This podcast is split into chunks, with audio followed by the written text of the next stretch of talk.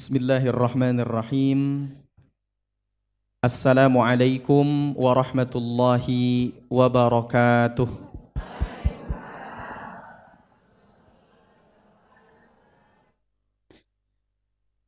wabarakatuh. Alhamdulillah Alhamdulillahilladzi allafa baina qulubina fa asbahna bi ni'mati ikhwana أشهد أن لا إله إلا الله وحده لا شريك له وأشهد أن محمدا عبده ورسوله لا نبي بعده اللهم صل وسلم وبارك على سيدنا محمد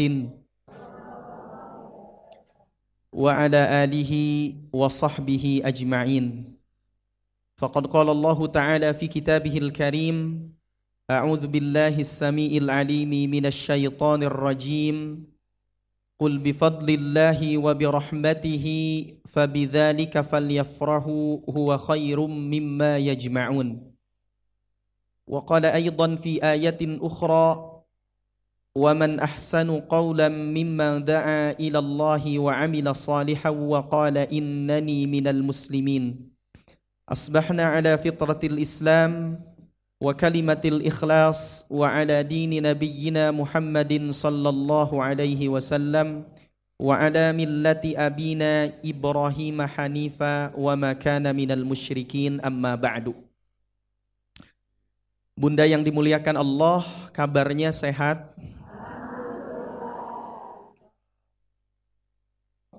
Itu zaman dulu ya.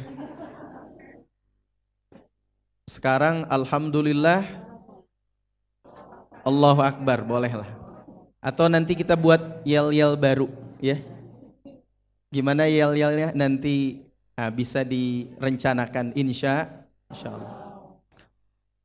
Alhamdulillah di kesempatan pagi hari ini Allah masih memberikan kita kesempatan untuk bisa duduk di majelis ilmu walaupun kondisi di luar sedang mendung Mudah-mudahan hati kita tidak mendung. Mudah-mudahan hati kita senantiasa diberikan keberkahan oleh Allah. Mudah-mudahan duduknya kita di sini senantiasa mendapatkan kebaikan, keberkahan dari Allah Subhanahu wa taala. Karena yang paling penting dalam hidup salah satunya adalah keberkahan. Berkah menurut Imam Al-Ghazali maknanya ziyadatul khair, bertambah-tambahnya kebaikan. Apa pun yang terjadi pada diri kita hendaknya menjadi sebuah kebaikan. Baik itu kelapangan ataupun berupa kesempitan. Makanya Nabi menyampaikan ajaban li amril mu'minin. Aku takjub dengan urusan orang-orang beriman. Kalau dia ditimpa dengan kebaikan, maka dia bersyukur. Dan kalau dia ditimpa dengan kesempitan, maka dia bersabar. Syukur dan sabar dua-duanya menjadi kebaikan. Bahkan boleh jadi kita membenci sesuatu padahal itu baik menurut Allah. Sebaliknya boleh jadi kita mencintai sesuatu padahal itu buruk menurut Allah. Wallahu ya'lamu wa antum la ta'lamun. Dan Allah itu maha mengetahui atas seluruh urusan kita, sementara kita mah nggak tahu apa-apa. Hakikatnya kita nggak tahu apa-apa. Maka bersyukur kepada Allah, perbanyak berdoa kepada Allah atas seluruh nikmat yang telah Allah berikan kepada kita dengan mengucap alhamdulillah. Sering Bu mengucap alhamdulillah? ya sering. Alhamdulillah alhamdulillah. Ya lagi punya uang alhamdulillah. Suami bawa uang habis bekerja alhamdulillah suami tidak bawa uang. Tapi alhamdulillah jangan sampai marah ya. Alhamdulillah kelihatan gak ikhlas alhamdulillah Jadi semuanya kita mengucap alhamdulillah. Alhamdulillah. Bahkan ada tingkatan orang yang terkena musibah. Orang yang terkena musibah itu ada empat kelompok. Kelompok yang paling rendah, dia yang benci kepada musibah. Bahkan sampai dia berburuk sangka kepada Allah. Na'udzubillah. Ada seseorang ditimpa oleh musibah, ditimpa oleh kesempitan, dia malah benci sama Allah. Benci sama musibahnya, bahkan tidak ikhlas, tidak ridho dengan musibahnya. Orang yang kedua, kalau ada orang yang ketika ditimpa musibah, dia bersabar. Ini tingkatan yang kedua. Jadi kalau kita dapat musibah kemudian sabar, itu baru masuk tingkatan yang ke kedua. Yang ketiga, orang yang dapat musibah dia ikhlas ridho. Itu tingkatan yang ketiga. Ya, dia ikhlas ridho, tetap berbaik sangka kepada Allah. Karena Allah itu ana inda dhanni abdi bi. Sesungguhnya aku tergantung prasangka hambaku kata Allah. Ada yang paling bagus. Siapa? Yang kalau dia ditimpa oleh musibah dia bersyukur. Pernah kita ditimpa musibah bersyukur? Mungkin hampir belum pernah. Betul gak? Ya. Atau kecil kemungkinannya. Tiba-tiba pulang dari masjid sendal kita hilang. Kita ngucap alhamdulillah. Begitu tidak? Enggak, ya. Belum ya? Kita be belum. Ya. Nauzubillah, uang kita hilang di rumah. Kita bilang alhamdulillah. Alhamdulillah. Dicoba. Ya. Nanti kalau dapat musibah ngucapin alhamdulillah tapi ketika musibah itu menimpa diri kita, bukan ketika musibah itu menimpa orang lain. Tetangga rumahnya dibobol maling, kita bilang alhamdulillah. Jangan. Ya, itu mah ketika musibahnya menimpa siapa? Diri kita. Tapi kalau menimpa orang lain, ucapkan inna lillahi wa inna ilaihi rajiun. Kita mah kadang suka salah kalau buat diri sendiri ya innalillahi wa inna ilaihi rajiun tapi buat orang lain tetangga kita alhamdulillah apalagi tetangganya yang ngeselin ya alhamdulillah meureun we eta mah tetangga teh ti Allah bangor gitu. Nah makanya bersyukur kepada Allah. Orang yang bersyukur la in syakartum la azidannakum. Pasti ditambah segalanya oleh Allah. Kita ini harus berusaha syukur, syukur, syukur. Bahkan puncak ibadah tertinggi, puncak niat ibadah tertinggi, puncak daripada keikhlasan dalam ibadah ternyata adalah bersyukur. Nabi Muhammad SAW, kita tahu ketika beliau sholat Sholat sunnah, tahajud, sholatnya lama, panjang, bacaannya begitu panjang. Sampai tidak jarang kaki beliau sampai bengkak-bengkak karena lamanya beliau berdiri.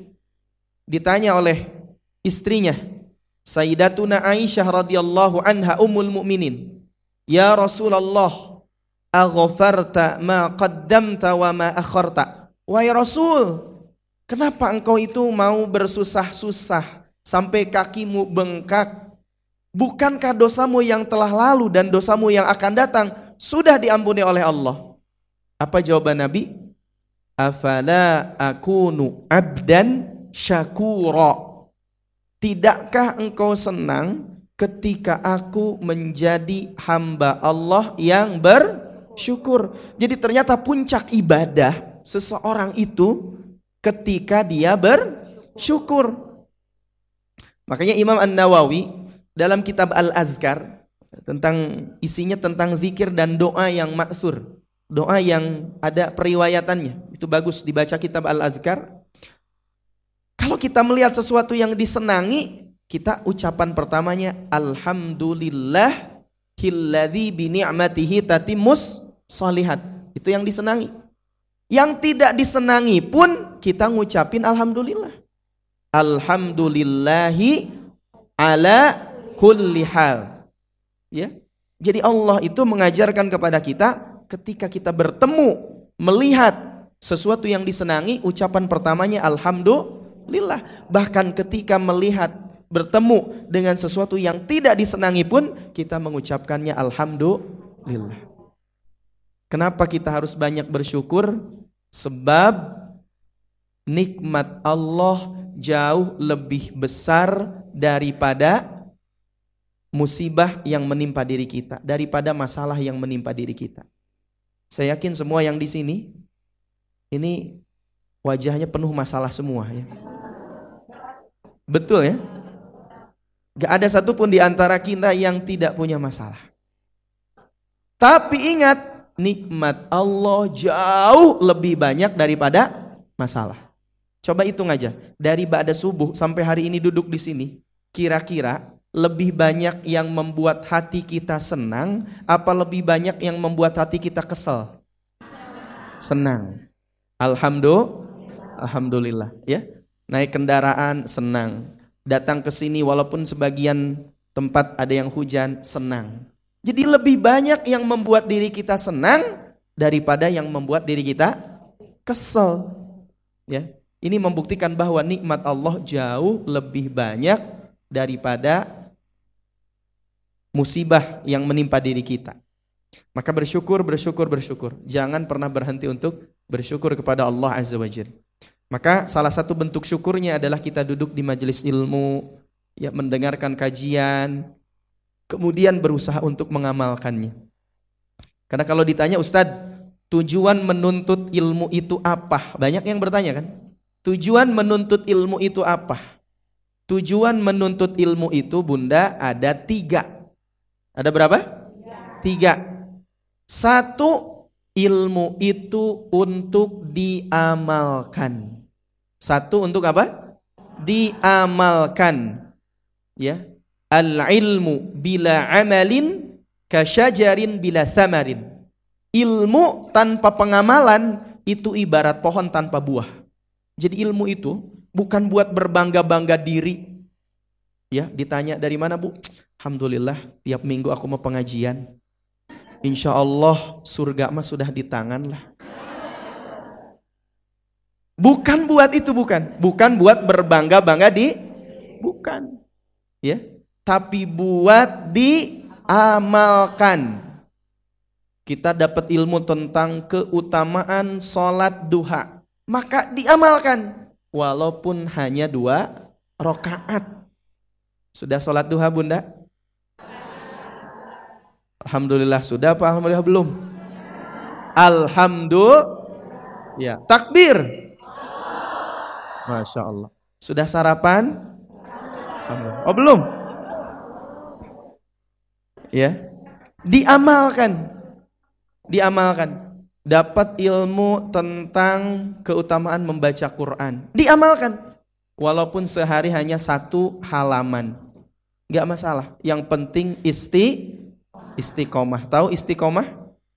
Apa artinya? Istiqomah? Tahu artinya istiqomah? Nah, istri tiga kompak semua. Bukan ya. Istiqomah itu lurus. Ya dan istiqomah itu khusus dalam keba kebaikan. Oh si ibu itu mah istiqomah gak pernah mau ikut ngaji. Itu bukan istiqomah itu berdegong ya. Jadi bedakan antara istiqomah dengan berdegong kalau kata bahasa Jermannya ya. Nah, jadi satu ilmu itu untuk apa? Diamalkan. Kita hari ini dapat ilmu apa nih? Berusaha diamalkan. Ya, oh bersyukur diamalkan. Lihat apa pun bersyukur, ya, bersyukur bersyukur. Ya, tapi bukan berarti orang jatuh dari motor syukur loh gitu. Bukan. Ya, syukur itu artinya berterima kasih. Syukur itu maknanya adalah menggunakan seluruh nikmat Allah untuk ketaatan kepada Allah. Syukur kepada Allah itu. Ada syukur kepada manusia artinya berterima kasih. Pernah gak? Atau kadang amalan kecil yang sering kita lupakan. Kita naik angkot. Sering gak ngucapin terima kasih atau nuhun sama si amang angkot? Hah? Jarang. Nah, hati-hati ucapin makasih bang nuhun gitu ya Bahkan saya kadang-kadang terkesan beberapa kali saya parkir motor di beberapa tempat, itu tukang parkirnya ngucapin apa? Jazakallah khair. Gitu. Wah, ini tukang parkirnya jangan-jangan ustadz nyamar jadi tukang parkir gitu.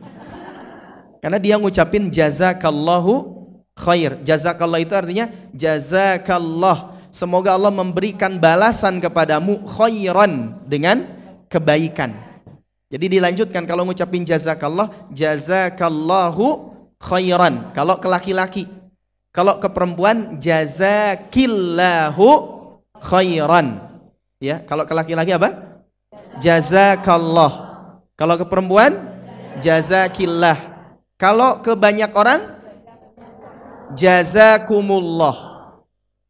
Di tukang liur, liur Ustaz, jazakallah geus liur. Laki-laki ka, perempuan ki, banyakan kum, ya. Kaki kum, nah, ya. Ka laki-laki, ki perempuan, kum banyak orang. Jadi satu ilmu untuk diamalkan. Dua ilmu itu lita'limihi untuk diajarkan. Ya, maka setelah pulang dari sini sharing juga, ajarin lagi anak-anak kita, ya atau mungkin bisa ngobrol sama suami di-sharing lagi, disampaikan lagi, diajarkan lagi. Diajarkan bukan berarti kita harus jadi ustazah dulu.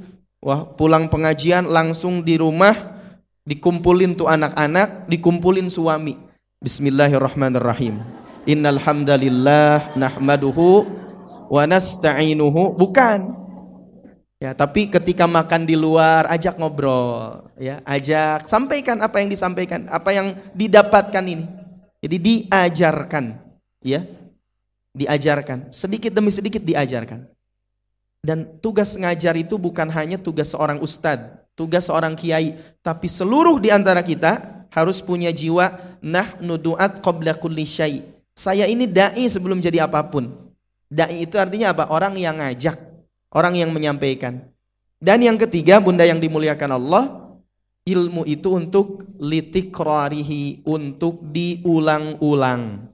Karena hakikat daripada ilmu itu adalah pengulangan. Ya.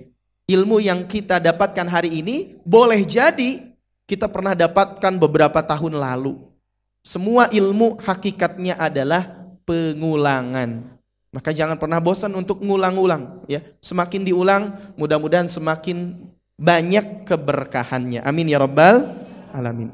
Baik Bunda yang dimuliakan Allah, sebelum kita mentadaburi ayatnya sebagaimana biasa, kita pelajari dulu, baca dulu surahnya. Insyaallah kita akan mentadaburi surah Quraisy. Surah apa? Quraisy ya. Ini surah yang insya Allah sudah kita hafal. Alhamdulillah. Alhamdulillah. Silahkan. Sudah dibuka? Ya. Atau Ustadz sudah di luar kepala? Wah. Alhamdulillah. Alhamdulillah. Ya, silahkan. Baik, kita sama-sama akan baca surah Al-Quraisy. أعوذ بالله من الشيطان الرجيم.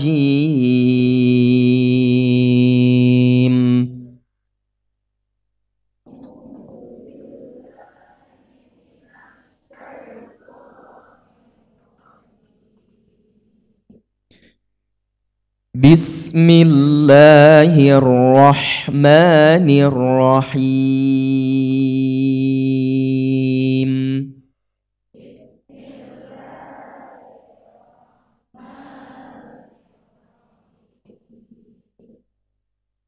لإيلاف قريش.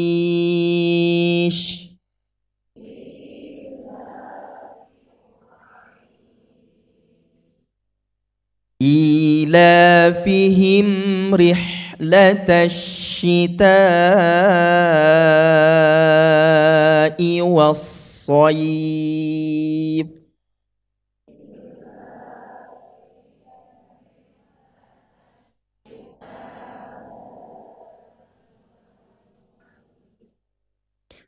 فليعبدوا رب هذا البيت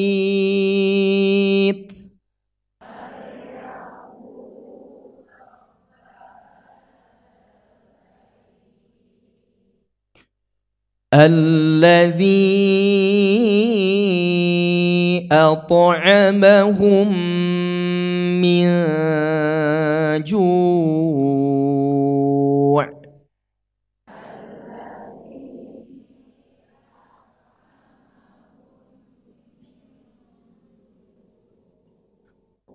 وآمنهم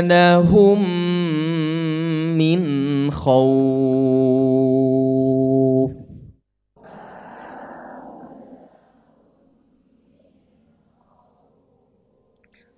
صدق الله العظيم.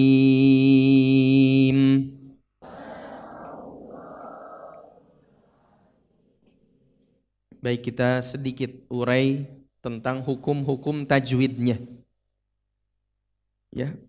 A'udzu billahi minasyaitonir rajim. Bismillahirrahmanirrahim. Li'ila fi Quraisy. Pertama, perhatikan di situ ada huruf lam. Halam di kasroh. Ya. Maka dibaca, dijelaskan hurufnya. Li. Coba. Li.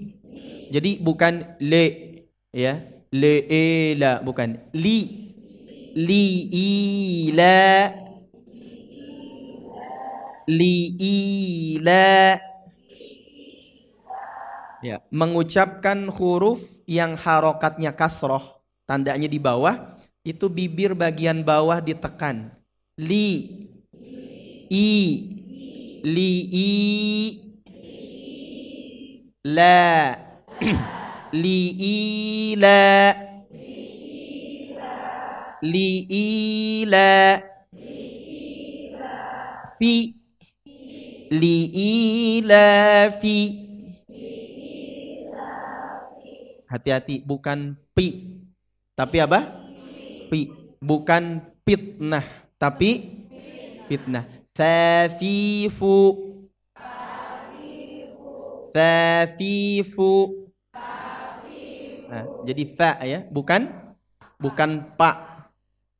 Ya, nanti panggil suaminya Fafah. Kenapa manggilnya begitu? Mempraktekkan ilmu tajwid. Fafah. Tapi hati-hati ngancrot ya. Fa fa fa fi fu li ilafi Semuanya huruf ini adalah huruf-huruf tipis. Lam, alif, ya, lam, fa, tipis. Hurufnya apa? Tipis. Jadi tipis itu apa? Ya ditipiskan bacanya. Li ilafi. Tidak li'ilafi. Nah, itu ditebalkan, tapi ditipiskan. Li'ilafi. Dan huruf lamnya itu punya hukum mad tabi'i, dibaca dua harokat, ya, dua ketukan saja. La ya, tidak boleh li'ilafi, li'ilafi, li'ilafi. Coba. Nah, perhatikan kemudian huruf kof. Kofnya itu huruf kof itu huruf yang tebal. Huruf yang tebal. Kemudian selain tebal, harokatnya juga di situ dommah. Maka tebal dan dimonyongkan. Ku. Nah, ada yang baca kura ku ku bukan. Ku. Kuro. Kuro. Ro juga tebal. Tapi tidak boleh monyong ya. Tidak boleh ro. Ro. Tebal. Qura. Li ila fi qura. Qura. Ah, baru ianya tipis. Quraish. Hati-hati huruf shin, shin itu tipis tapi punya sifat at-tafashi. Apa itu tafashi? Nafas harus menyebar di mulut kita. Sya. Ya, jadi tidak sya, bukan. Bukan dimonyongkan gini. Sya. Bukan. Ini kelihatan sya. Saya berdiri ya. Syah, bukan gitu. Ash, ash. Quraisy. Quraisy. Li'ilafi Quraisy.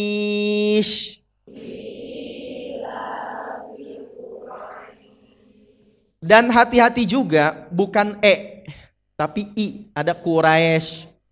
Sering ada yang dengar baca kayak itu? Li'ilafi Quraisy. Pernah dengar yang baca gitu?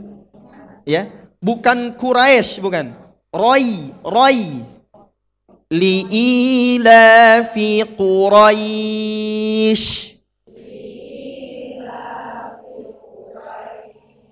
Coba satu dua tiga I-nya dijelaskan. I, I, I. Ya, jangan sampai i. Li, i, la, vi, Quraisy. Bukan. Li, i, la. Karena semuanya tipis. Kecuali huruf qaf, huruf ra. Ya, huruf ya sama shin itu eh, tipis juga. Li, i, la, fi, Quraisy.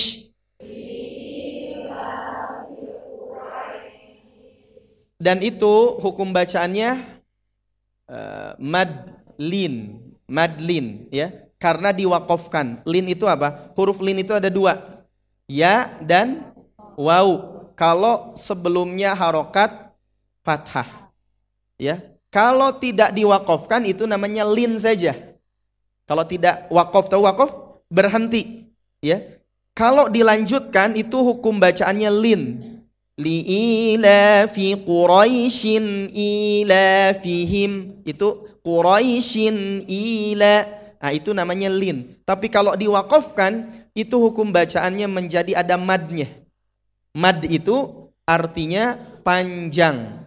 Mad itu artinya panjang ya. Jadi kalau ada nama orang mad itu artinya panjang. Biasanya orangnya tinggi ya. Dulu ada teman saya namanya Mad Soleh. Orangnya memang tinggi ya. Karena soleh bener mungkin ya. Itu harapan orang tuanya begitu. Jadi kalau ada mad artinya pan panjang. Kurai, kurai. Ya. Nah, bagaimana bacaan madlin? Berapa dibacanya? Kata para ulama boleh dua, empat atau enam. Boleh berapa? Dua, empat, enam. Jadi kelipatan dua, dua, empat, enam hanya harus konsisten dalam satu bacaan. Jangan misalkan ketika kita baca surah Al-Quraisy kadang baca dua, setelah ayat berikutnya kita baca empat, setelah berikutnya kita baca enam, nggak boleh. Tapi harus konsisten, ya. Quraisy kalau empat empat, kalau enam enam, ya. Kita ulang lagi. Li'ilafi Quraisy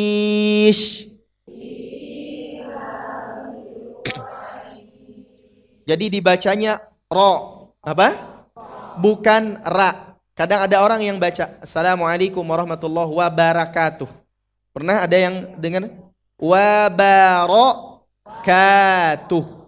Assalamualaikum warahmatullahi wabarakatuh.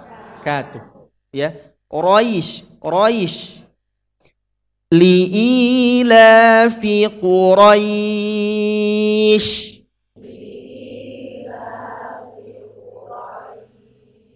Hati-hati bukan Quraisy, bukan. Ya, Quraisy, Quraisy, Quraisy. Bisa? Coba ulang. Satu, dua, tiga.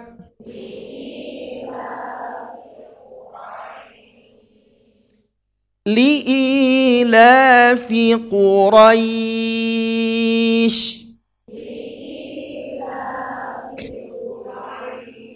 dan semuanya harus keluar dari lisan jangan keluar dari hi, hidung jadi kalau masih keluar dari hidung berarti masih ada yang keliru li'ilafi Quraisy berarti baca Quran itu masih keli coba tutup hidungnya ya Nah, itu latihan, latihan. Hati-hati. Yang belakang juga tutup ya. Jangan sampai ditutup hidung keluar dari belakang. Coba tutup hidungnya. Siap ya? Li'ilafi Quraisy.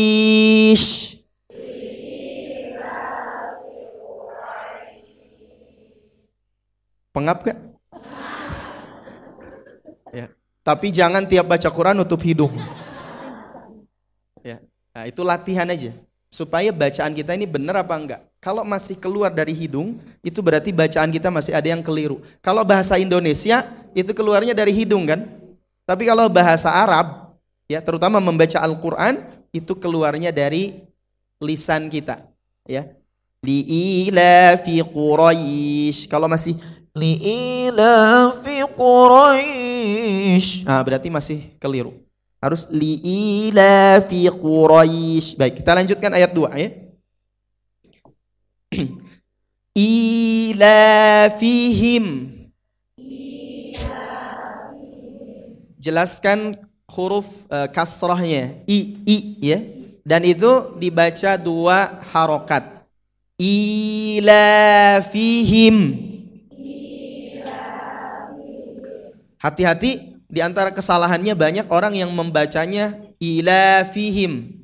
Ini salah ya ilafihim i-nya juga dua harokat ilafihim semuanya tipis semuanya apa ada yang nanya Ustadz cara menipiskannya bagaimana? Sebagian pakar mengatakan disenyumkan. Ilafihim. Coba. Ilafihim.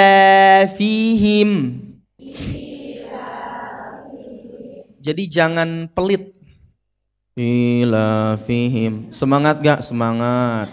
Takbir Allahu Akbar. Sering ada yang kayak gitu. Ya. Jadi kalau disuruh semangat, semangat. Kalau suruh takbir, Allahu Akbar. Ya.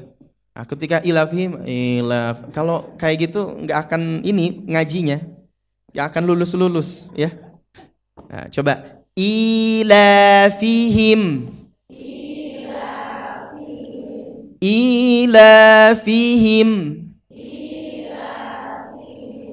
ilafihim rihlatasyita'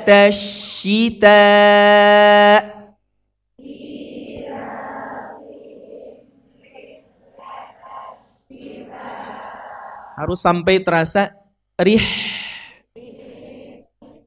ada nafas yang mengalir rih coba Ustadz gimana cara mengucapkannya rih kadang ada rih rih bukan rih kayak begini, contohnya begini. Kita minum, bismillahirrahmanirrahim. Ah, itu nafasnya tuh begitu. Ya, ini mah sambil haus juga sih. Rih. Coba. Rih. Rih la tashita.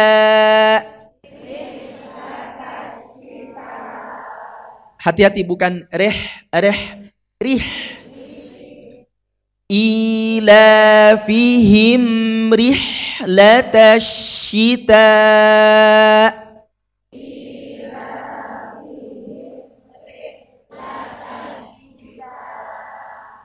Asyita, asyita itu satu kalimat, ya. Di situ ada huruf hamzah, artinya musim dingin. Ya, huruf hamzah di situ. Menghadapi alif maka hukum bacaannya menjadi apa namanya mad wajib muttasil. Mad panjang wajib harus muttasil.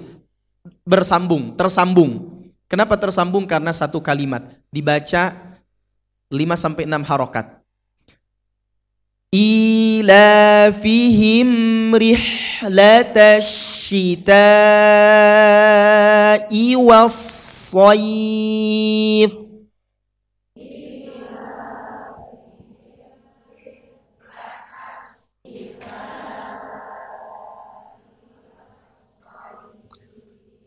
huruf wawu itu tipis. Huruf sod itu tebal. Tebal, tipis. Eh, tipis, tebal. Tipis, tebal. Kadang-kadang kelemahannya ketika huruf tipis bertemu dengan huruf tebal itu suka ke bawah jadi tebal. Wasoif, wasoif. Padahal wa-nya tipis. Wa. Coba, wa. Wasoif.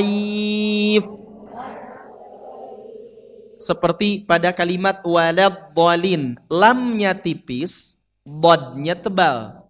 Kadang ada yang ke bawah walad walad ini kurang tepat. Walad walad dallin kurang tepat. Yang tepat walad la la-nya tipis, dadnya tebal. Walad dallin. Begitupun ini soib Coba. Satu ayat penuh. Ila fihim rihlatasyita'i wasoyib.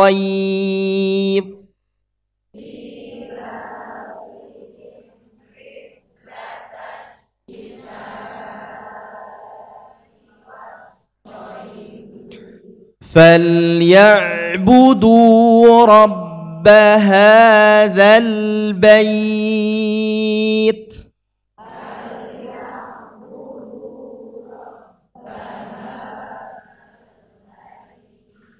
Hati-hati jangan berhenti pada kalimat falyabudu, bukan begitu. Falyabudu tapi disambung. falyabudu falyabudu. Tidak boleh. Falyabudu. Bisa dibedakan ya? Falyabudu dengan falyabudu ya. Falyabudu rabb hadzal bait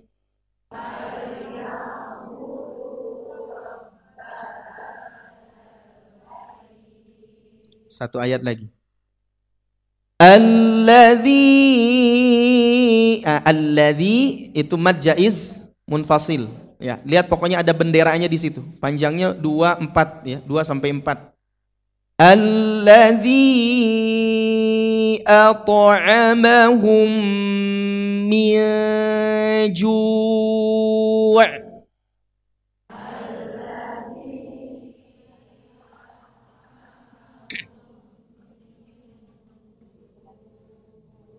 At'amahum ada qalqalah memantul ato ato at'amahum Kemudian miaju tipis ikhfanya. Mi miaju. Jadi bukan bukan miu miu ju miu ju tapi miju miju gitu ya. Sekali lagi. Alladzi at'amahum min ju'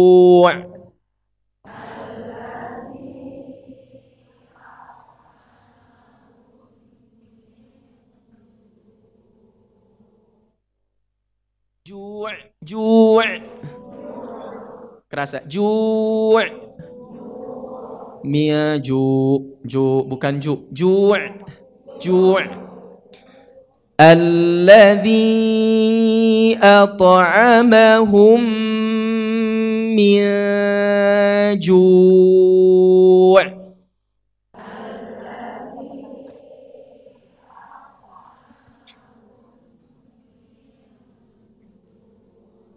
di, di mana huruf jim tengah lidah tempel ke langit-langit. Ju' ju' ya. Satu lagi. Wa amanahum min khawf.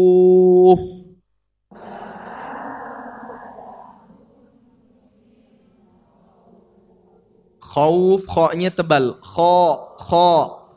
Bukan kha, khawf, khawf khauf wa amanahum min khauf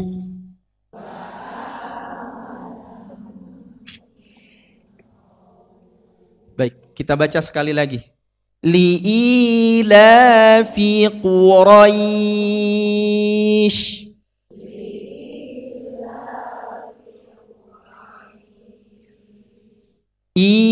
إيلافهم رحلة الشتاء والصيف.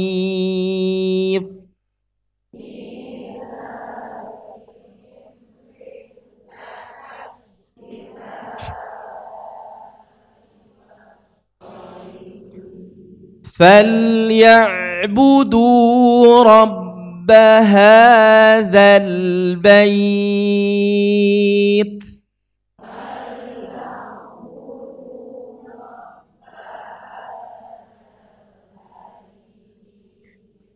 الذي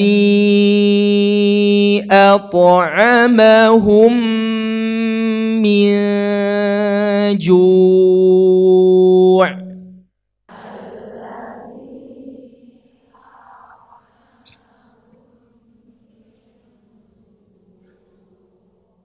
وآمنهم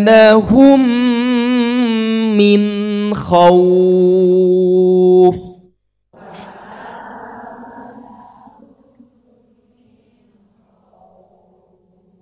Ya, alhamdulillah sudah bisa ya baca surah Al-Quraisy dengan baik dan benar insya Nah, tapi pulang jangan wallahu a'lam bisawab lagi ya.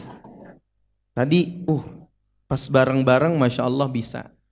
Pas ditanya pulang, ah, lupa lagi. Wallahu a'lam bissawab. Baik. Surah Al-Quraisy kita akan mempelajari surah Quraisy ya. Sebetulnya tidak ada alif lamnya. Tapi ini disebut dengan surah Quraisy. Surah apa? Quraisy. Quraisy itu siapa? Quraisy itu salah satu suku dulu yang ada di jazirah Arab yang mereka diberikan amanah untuk menjaga Baitullah. Ya, itu suku Quraisy. Walaupun nanti ada e, penjelasannya ya. Siapa yang disebut dengan Quraisy ini ya sebetulnya dulu adalah e, Ibnu Kinanah, anaknya daripada Kinanah. Ini gelarnya Quraisy. Dan surah Quraisy ini termasuk di antara surah Makiyah. Surah yang turun di Mekah, ya. Mekah. Ada yang menyebutnya Mekah, kota ini ada yang menyebutnya Bakkah. Ya, kalau Bakkah itu dari kata ada sebagian ulama yang mengatakan dari kata baka. Baka itu artinya menangis.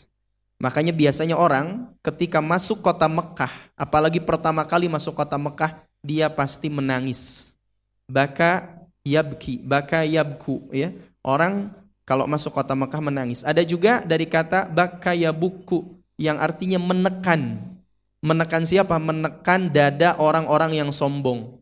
Karena ketika orang masuk kota Mekah, maka dia memakai pakaian yang paling sederhana. Terutama buat laki-laki biasanya menggunakan kain ihram. Ihram ya, baik dia pejabat, dia orang terkenal, siapa pun itu kita tidak akan mengenal semuanya status di di hadapan Allah sama. Yang membedakan adalah takwa, ya. Nah, nah dan surah ini surah Quraisy termasuk kelompok surah-surah makiyah. Termasuk kelompok surah-surah makiyah. Ada berapa ayat?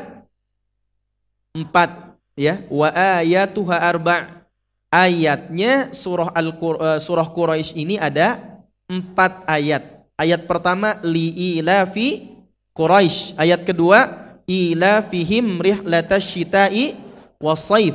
Ayat ketiga falya'budu rabb hadzal bait. Ayat keempat alladzi at'amahum min ju'i wa amanahum min khauf. Ya. Dan ini menjelaskan pertama tentang kondisi kebiasaan orang-orang Quraisy. Apa orang-orang Quraisy itu kebiasaannya? Li'ilafi Quraisy. Di sini disebutkan li'ilafi. Li'ilafi, ya. Untuk ilafi Quraisy untuk kebiasaan orang-orang Quraisy ya kalau terjemahan harfiahnya begitu terjemahan perkataannya begitu liilafi kebiasaan yang selalu dilakukan oleh orang-orang Quraisy apa di ayat 2 Allah sampaikan ilafihim kebiasaan mereka rihlah. Melakukan perjalanan. Ya tapi bukan sekedar perjalanan tapi perjalanan untuk berda berdagang. Bukan piknik tapi ber, perjalanannya untuk berdagang. Bukan healing bukan. Ke mana asyita? Pada musim dingin. Musim dingin eh, pada ya pada musim dingin. Ke mana musim dingin? Ke Yaman ya wasaif dan ketika musim panas mereka berjalan ke Syam. Asyita ke Yaman, eh, kemudian ketika musim panas ke Syam. Syam itu di mana? Kalau sekarang negeri Syam itu terbagi menjadi empat negara. Ya, Suriah, ibu kotanya Damaskus, Lebanon, ibu kotanya Beirut, Yordania, ibu kotanya Amman, dan yang keempat Palestina. Ibu kotanya apa? Palestina? Ada yang tahu? Apa ibu kota Palestina? Hah? Pasir Hayam. Cianjur itu. Apa ibu kota Palestina? Al-Quds.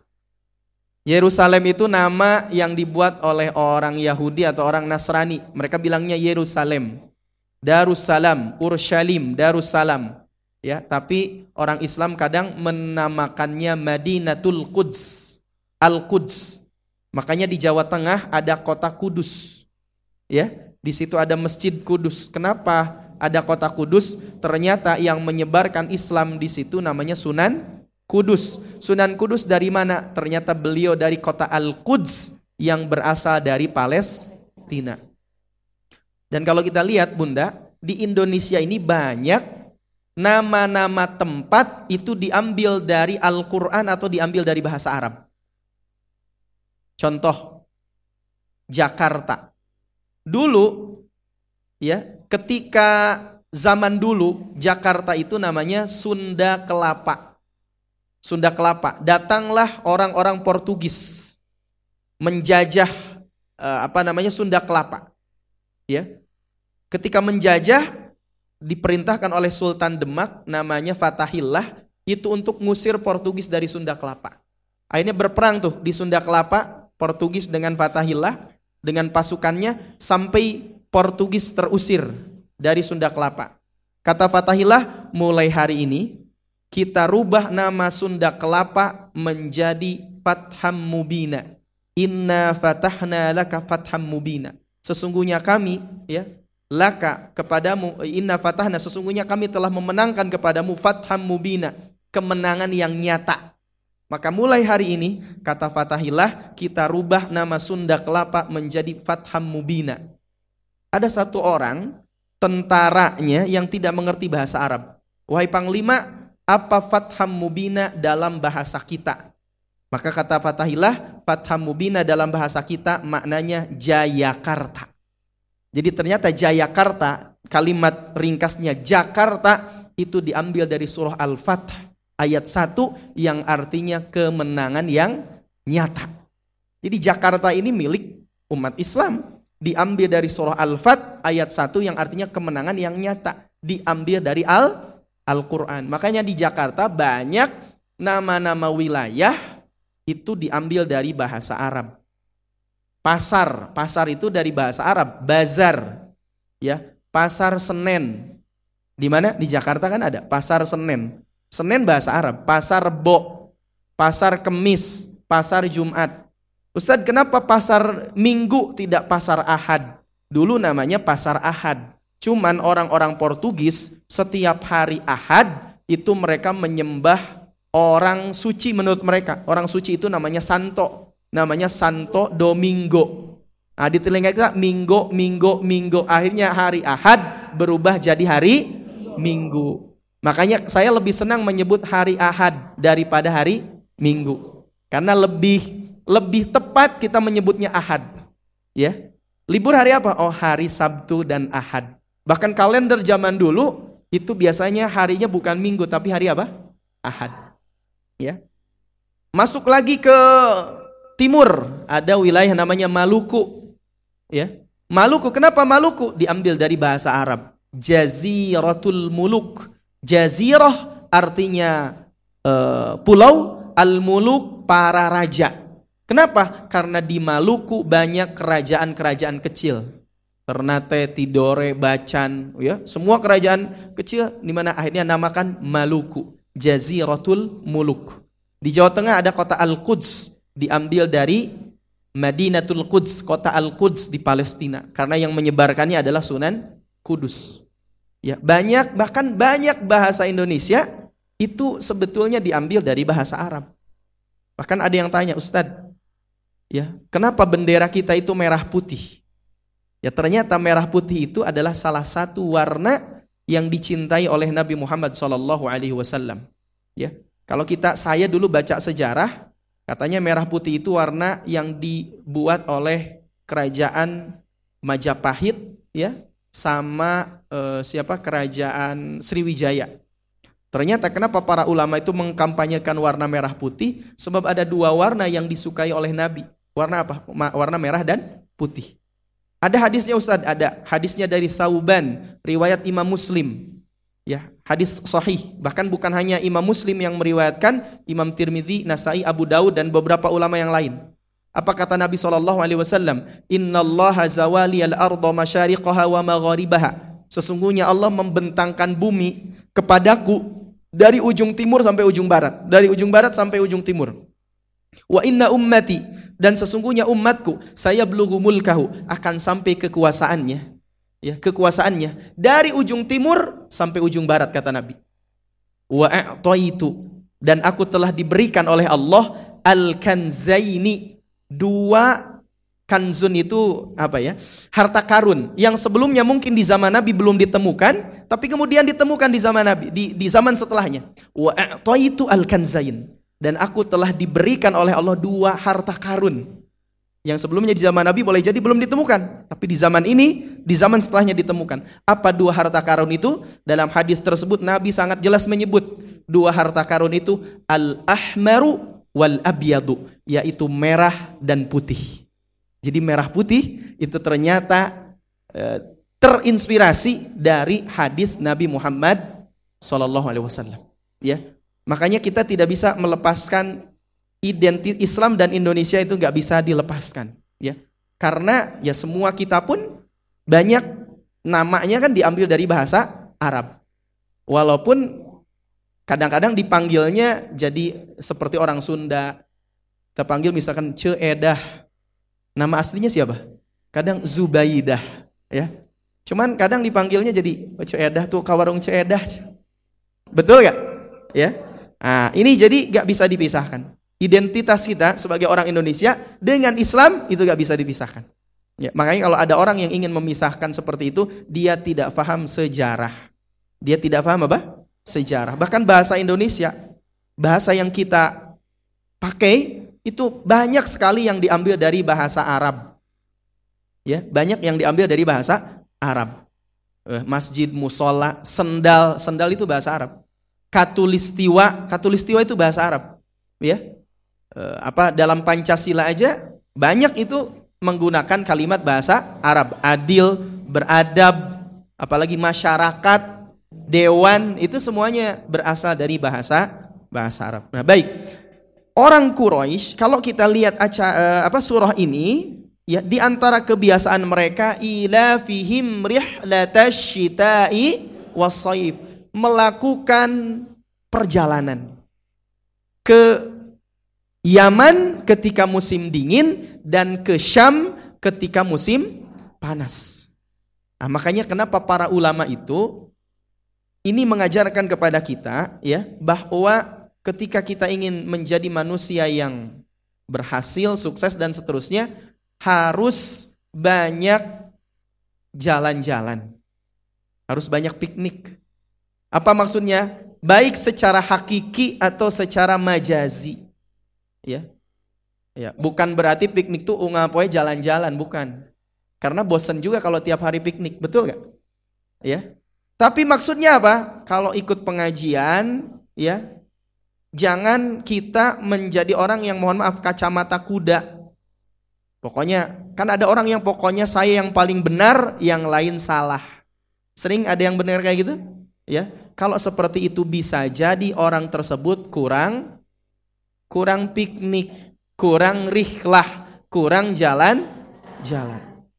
Ya walaupun Imam Ibnul Mubarak pernah mengatakan pintu ilmu itu tiga. Pintu ilmu itu tiga. Kalau seseorang masuk pada ilmu yang pertama, pada pintu yang pertama, dia akan menjadi orang sombong. Biasanya begitu. Kita belajar tajwid nih. Tadi surah Al-Quraisy.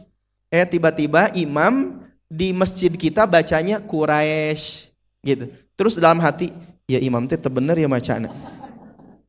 Betul gak? Kalau kita pasti belajar, pak baru belajar pertama kali biasanya masuk pintu apa? Sombong. Wajar gak apa-apa. Ya, saya benar, kamu salah. Orang baru belajar bela diri, belajar silat, oh itu udah merasa sudah jagoan. Begitu, ya. Jadi orang ketika belajar ilmu, katakanlah kita belajar tajwid. Baru belajar tajwid, Sampai misalkan kita belajar tajwid sama orang berilmu dan seterusnya. Kita ketika mendengar bacaan imam bisa jadi akan lebih banyak mengoreksi bacaan imam daripada mentadaburi isinya. Pas imam baca Bismillahirrahmanirrahim Alhamdulillahirabbil alamin dalam hati haknya kurang alhamdulillah. Ya. Terus alamin ainnya kurang alamin. Walaupun ngoreksinya di dalam hak itu begitu. Belajar ilmu apa pun biasanya akan begitu. Makanya kenapa para ulama mengajarkan ketika kita belajar ilmu apa pun harus diiringi dengan belajar tazkiyatun nafs. Apa itu tazkiyatun nafs? Bagaimana ilmu mensucikan jiwa. Kita udah ngaji nih, rajin ngaji, bisa jadi ada potensi sombong. Bisa jadi buat orang yang belum ngaji kayak tadi, ya. Alhamdulillah ya Allah, saya mah udah rajin ngaji. Ya, tetangga sebelah mah gak pernah mau datang ke masjid. Sepertinya pintu neraka deket ya Allah. Hati-hati. Ya, makanya setan itu pinter. Kalau gak bisa ngajak dosa besar, ngajak dosa kecil. Kalau gak bisa dosa, dosa kecil, biarkan dia beramal kebaikan. Biarkan oleh setan itu kita sok mau ngaji-ngaji, mau sholat-sholat, tahajud-tahajud. Dan seterusnya. Tapi kemudian dalam hati ada rasa som, sombong. Merasa bahasa kitanya merasa pang aingna. Nah, hati-hati ya. Maka banyak-banyak beristighfar. Makanya udah ngaji pun kita beristighfar. Subhanaka Allahumma bihamdika asyhadu alla ilaha illa anta astagfiruka. Udah salat pun beristighfar. Astagfirullahalazim, astagfirullahalazim, astagfirullahalazim. Khawatir amal kebaikan yang kita lakukan sia-sia karena ada kesom sombongan.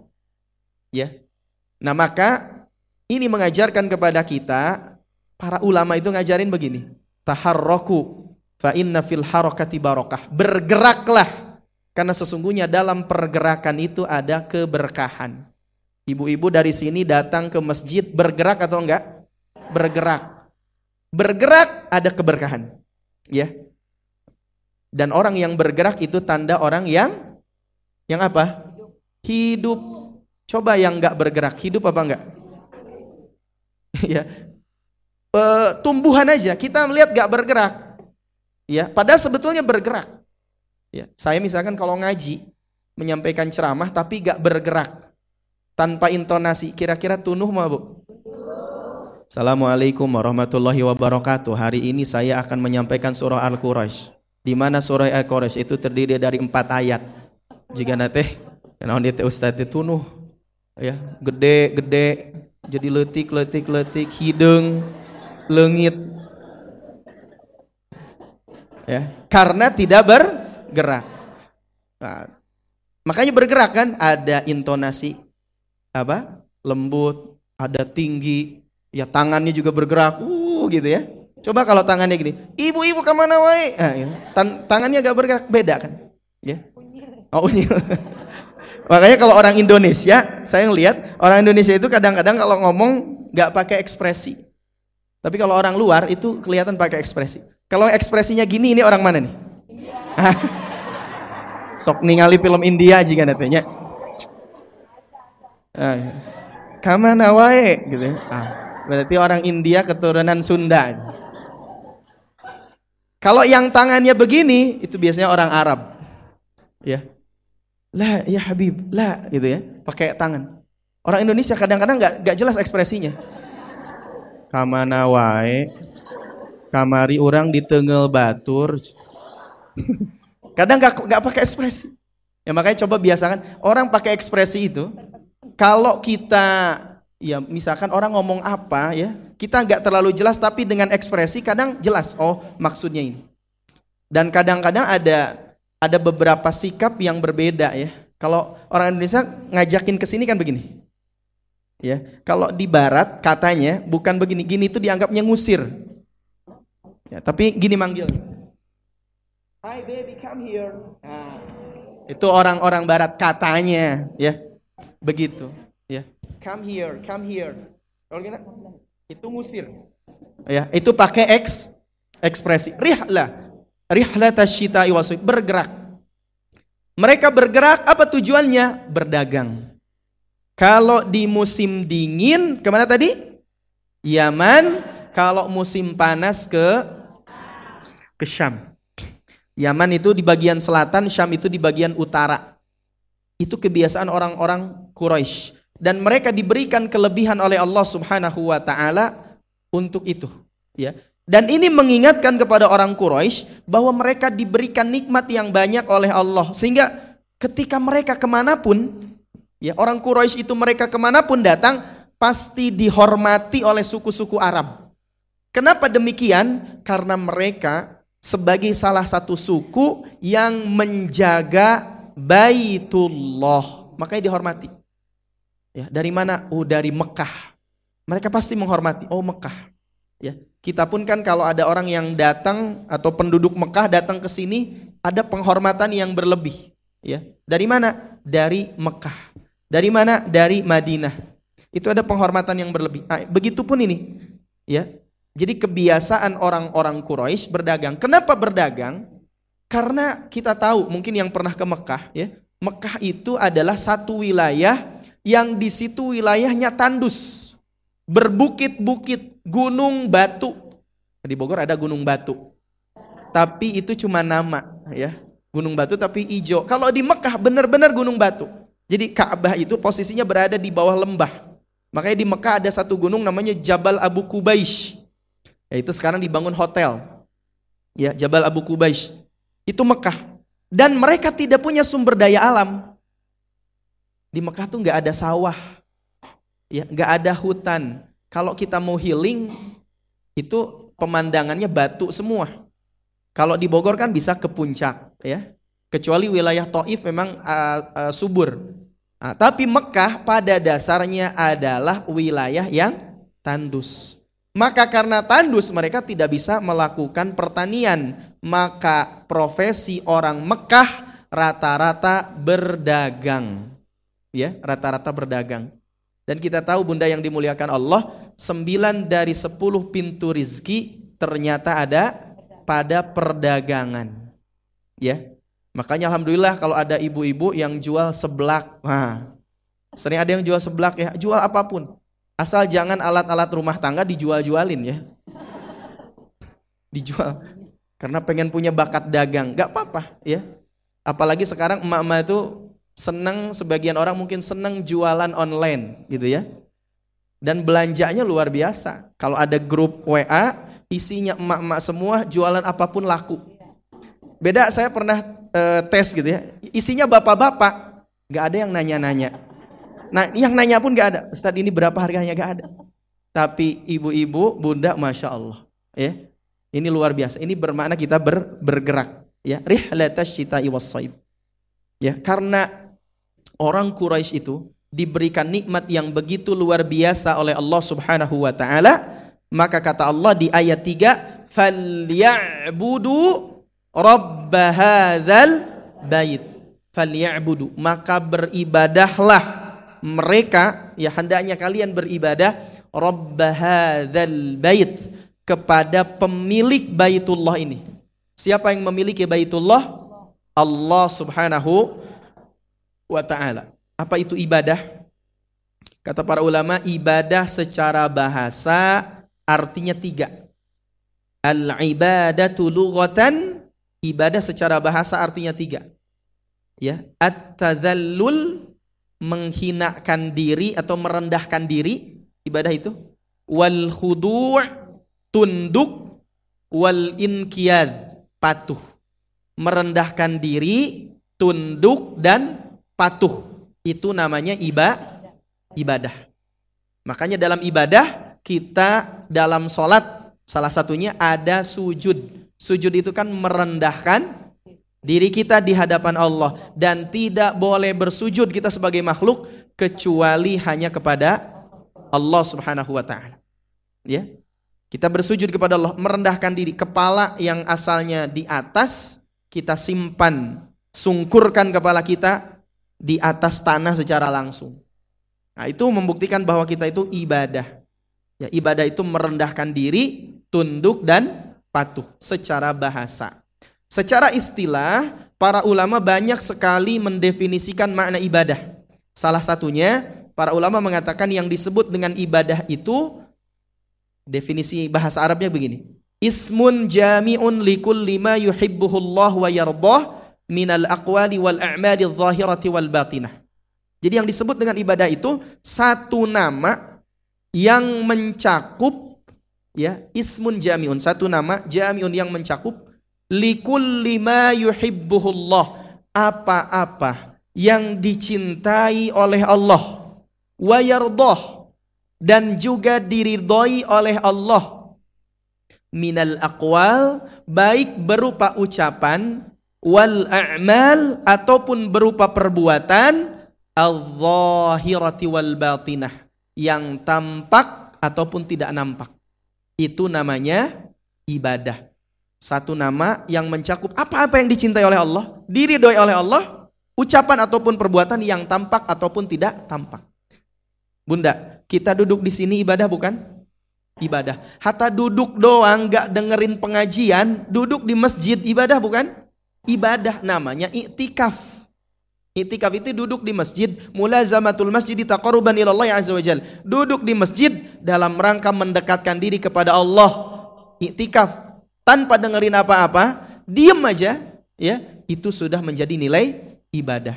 Datang ke pengajian, pakai baju yang bagus, mandi dulu, ibadah bukan? Ibadah, ya. Ibadah. Kenapa? Innallaha jamilun yuhibbul jamal. Allah itu indah, senang dengan keindahan. Datang ke sini ah mual mandi, baju na mual diseseh, arek zuhud. itu bukan zuhud, tapi apa? zoroko ya pakai kol kolah zoroko ya zorok ya nah, itu bukan zuhud tapi zo zoroko ada kol kolahnya ya nah itu datang ke sini ya apalagi dengar pengajian baca Al-Quran maka insya Allah itu bernilai ibadah tinggal kita ngukur apa yang saya lakukan ini diridoin gak sama Allah kalau ternyata ridho Allah ridho, maka insya Allah itu menjadi iba, ibadah. Baik yang tampak ataupun yang tidak tampak. Emang ibadah ada yang tidak tampak Ustadz? Ada. Makanya ibadah itu ada ibadah apa namanya? Ada ibadah hati, ada ibadah lisan, ada ibadah amal perbuatan, anggota badan. Contoh, ikhlas itu ibadah apa? Hati, lisan atau perbuatan? Hati. Makanya kita tidak bisa mengukur kita ini atau mengukur orang lain dia ikhlas atau enggak. Ustadz saya sedekah buat Al-Khonsa 10 juta. Ditanya, ikhlas enggak? Ikhlas Ustadz. Kira-kira ikhlas apa enggak? Enggak tahu. Belum tentu. Ya, Pokoknya saya mah ikhlas ridho lillahi ta'ala. Ya, ada orang yang Ustadz kalau biasanya saya infak, saya mah tulis aja atas nama hamba Allah. Oh berarti ikhlas nih orang. Tapi saya suka menulis alamat lengkap rumah saya. Ya hamba Allah sih hamba Allah tapi ditulis alamat lengkapnya. Gitu. Atau ini dan lain sebagainya ya. Jadi ikhlas itu tidak bisa di, dinilai dari apa? Zohir, enggak. Tapi kita ikhlas itu hanya kita dan Allah yang tahu. Kita datang ke sini ikhlas atau enggak? Nah, enggak tahu hanya diri kita dan Allah. Ya. Kalau wajahnya insya Allah sih termasuk yang ikhlas. Amin ya rabbal alamin. Maka perintah Allah, "Falyabudu rabb hadzal bait." Ibadah Apa pun yang kita lakukan berupa kebaikan, makanya dalam Islam, dalam Islam yang namanya ibadah bukan hanya ritual, bukan hanya sholat, puasa, zakat, tapi seluruh amal kebaikan, kalau kita niatkan untuk Allah itu akan menjadi ibadah. Bahkan makan pun, saya pernah sampaikan, makan pun kalau diniatkan bersyukur itu jadi ibadah. Dalam hadis riwayat Imam Bukhari, Kata Nabi, at-taimus syakir kasaimis sabir. Orang yang makan sambil bersyukur, pahalanya sama orang yang berpuasa sambil bersabar. Pertanyaannya, mending makan, mending puasa? Banyak jawabannya begitu. Ah Ustadz kalau begitu mas saya gak akan puasa sunnah. Tiap hari makan sambil bersyukur. Etama males namanya. Ya. Bahkan lagi ngaji pun yang diobrolinnya kan makan. Betul ya? Nges, udah pengajian itu kita makan sebelak di mana? Udah direncanakan, ya. Bahkan di grup WA ngajinya belum selesai, mau makan di mananya udah disiapkan. Makan. Nah, tapi kalau makannya sambil bersyukur, insya Allah menjadi iba, ibadah. Falyabudu rabb hadzal bait. Maka kata Allah, ibadahlah kepada Allah yang telah menciptakan, yang memiliki Rabb. Rabb itu artinya pengatur, pengurus yang memiliki hadal bait, rumah ini. Maksudnya bait apa? Baitullah. Ya. Mudah-mudahan kita semua yang di sini diberikan rezeki oleh Allah untuk berkunjung ke Baitullah. Amin. Ya. Minimal minimal sekali seumur hidup, ya. Kita bisa melihat Ka'bah secara langsung, berkunjung ziarah ke Baitullah langsung. Ayat terakhir Kata Allah, maka ibadah itu dalam rangka apa? Dalam rangka tadi bersyukur. Ibadahnya kita dalam rangka bersyukur. Dan terakhir Allah sampaikan alladzi at'amahum. Alladzi dialah Allah at'amahum yang telah memberikan mereka makanan min memberikan makan min dari rasa lapar. Orang Quraisy itu tidak uh, punya sumber daya alam tapi Allah berikan makanan yang begitu melimpah sampai hari ini. Ibu kalau ada buah yang tidak ada di Indonesia, datang ke Mekah, insya Allah semuanya ada. Padahal pohonnya gak ada, ya. Mau beli apa pun di Mekah ada, ya. Padahal kadang-kadang dibuatnya bukan di, di Mekah, tapi subhanallah itu perputaran ekonomi di Mekah itu luar biasa. Ini berkat doanya Nabi Ibrahim alaihissalam. Allah Rabbi al hadha baladan aminan warzuq ahlahu minas samarat. Nabi Ibrahim berdoa, Rabbi ja'al hadha. Ya Allah ya Rabb, jadikan baladan aminan. Negeri ini, negeri Mekah ini negeri yang aman. Warzuq ahlahu minas samarat. Dan berikanlah penduduknya, berikanlah rizki penduduknya daripada buah-buahan. Mungkin pohon pisang susah kita ketemu di Mekah, tapi yang jual pisang banyak. Ya, apa pun di Mekah itu ada. Ya. Ini di antara doa Nabi Ibrahim yang diijabah oleh Allah Subhanahu wa taala dan bukti keberkahan kota Mekah. Dan Allah itu alladzi at'amahum min ju.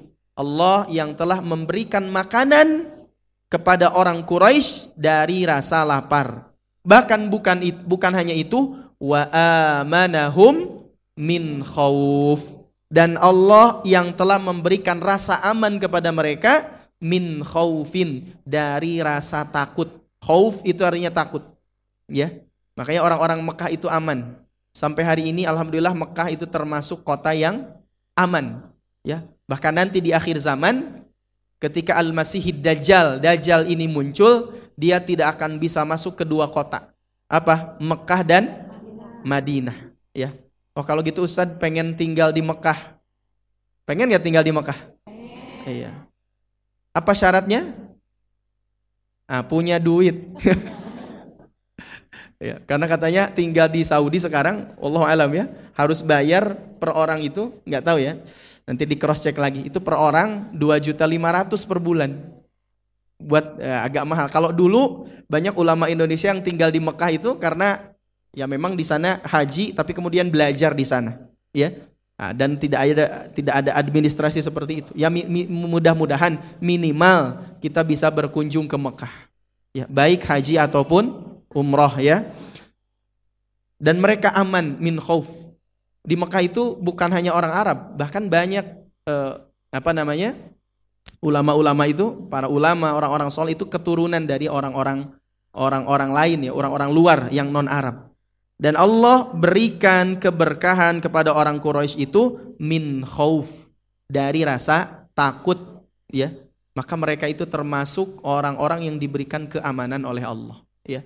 Kuncinya apa? Kalau kita ingin bebas dari rasa lapar, dari rasa takut, kuncinya falyabudu rabb hadzal bait. Perbanyak beribadah kepada Allah. Makanya kalau seseorang dia rajin ibadah, rajin sholat, rajin ngaji, insya Allah semua kehidupannya akan dicukupi oleh Allah. Ya, insya Allah. Kalau makanya kalau hidup kita ini terasa sempit, terasa sempit, ya, e, kemudian masalah bertubi-tubi datang, ya, salah satu hal yang paling pertama dicek adalah bagaimana kondisi ibadah kita. Orang yang beribadah bukan berarti dia bebas dari masalah, bukan. Tapi masalah menjadi kecil. Kenapa? Karena dia punya Allah yang maha besar. Nah, itu buat orang-orang yang rajin ibadah. Mudah-mudahan apa yang disampaikan ini bisa bermanfaat karena waktu kita juga terbatas. Kalau seandainya ada penyampaian yang salah, keliru, semata-mata kesalahan saya pribadi dan tentu kita yakini al-haqqu min rabbik fala takunanna minal mumtarin. Kebenaran hakiki itu datangnya dari Allah Subhanahu wa taala. Hadanallahu wa iyyakum ajmain. Thumma assalamu alaikum warahmatullahi wabarakatuh. Waalaikumsalam warahmatullahi wabarakatuh. Masya Allah, jazakallah khairan kasiron untuk ilmunya Ustadz Samsam. Alhamdulillah sangat bermanfaat.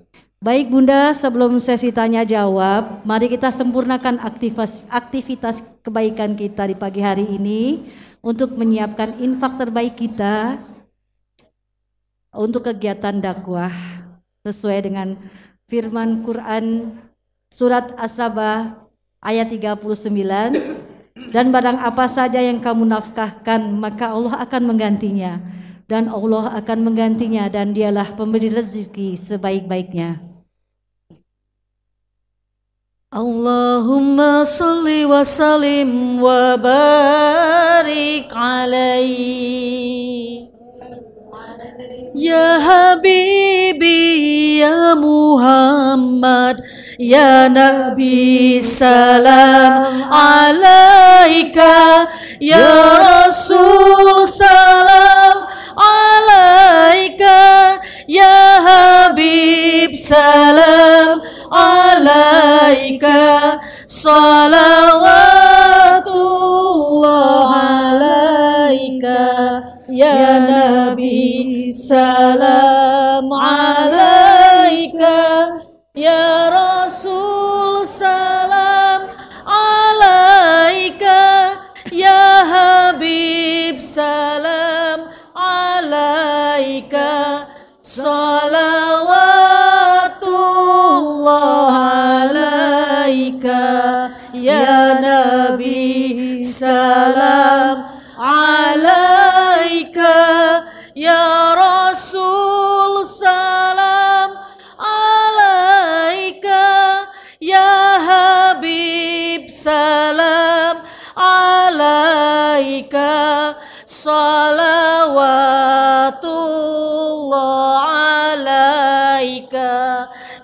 Nabi Salam alaika. Ya Rasul salam alaika. Ya Habib salam alaika. Salawatullah alaika. Ya Nabi Salah.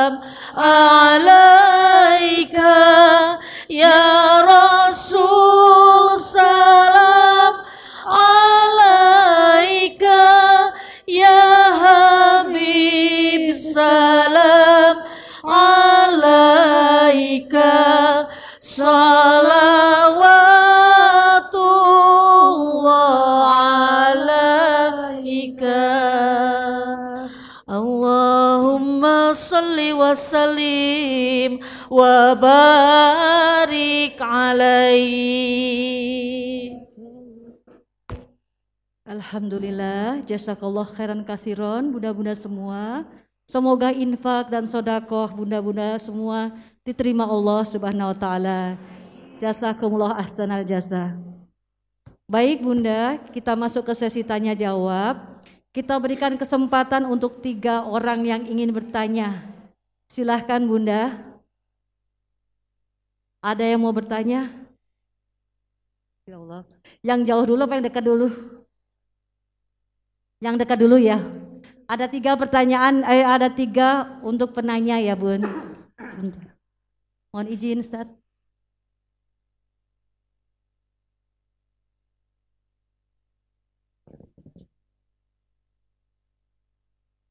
Bismillahirrahmanirrahim. Assalamualaikum warahmatullahi wabarakatuh. Assalamualaikum warahmatullahi wabarakatuh. Saya dengan Mirda Ustadz dari Laladon. Mau tanya, tadi kan Ustadz bilang setiap saat kita harus mengucapkan Alhamdulillah dalam ke keadaan apa pun. Kebetulan saya eh, saat ini sedang diberi Allah nikmat bisa menjaga orang tua saya yang sekarang berumur 87 tahun.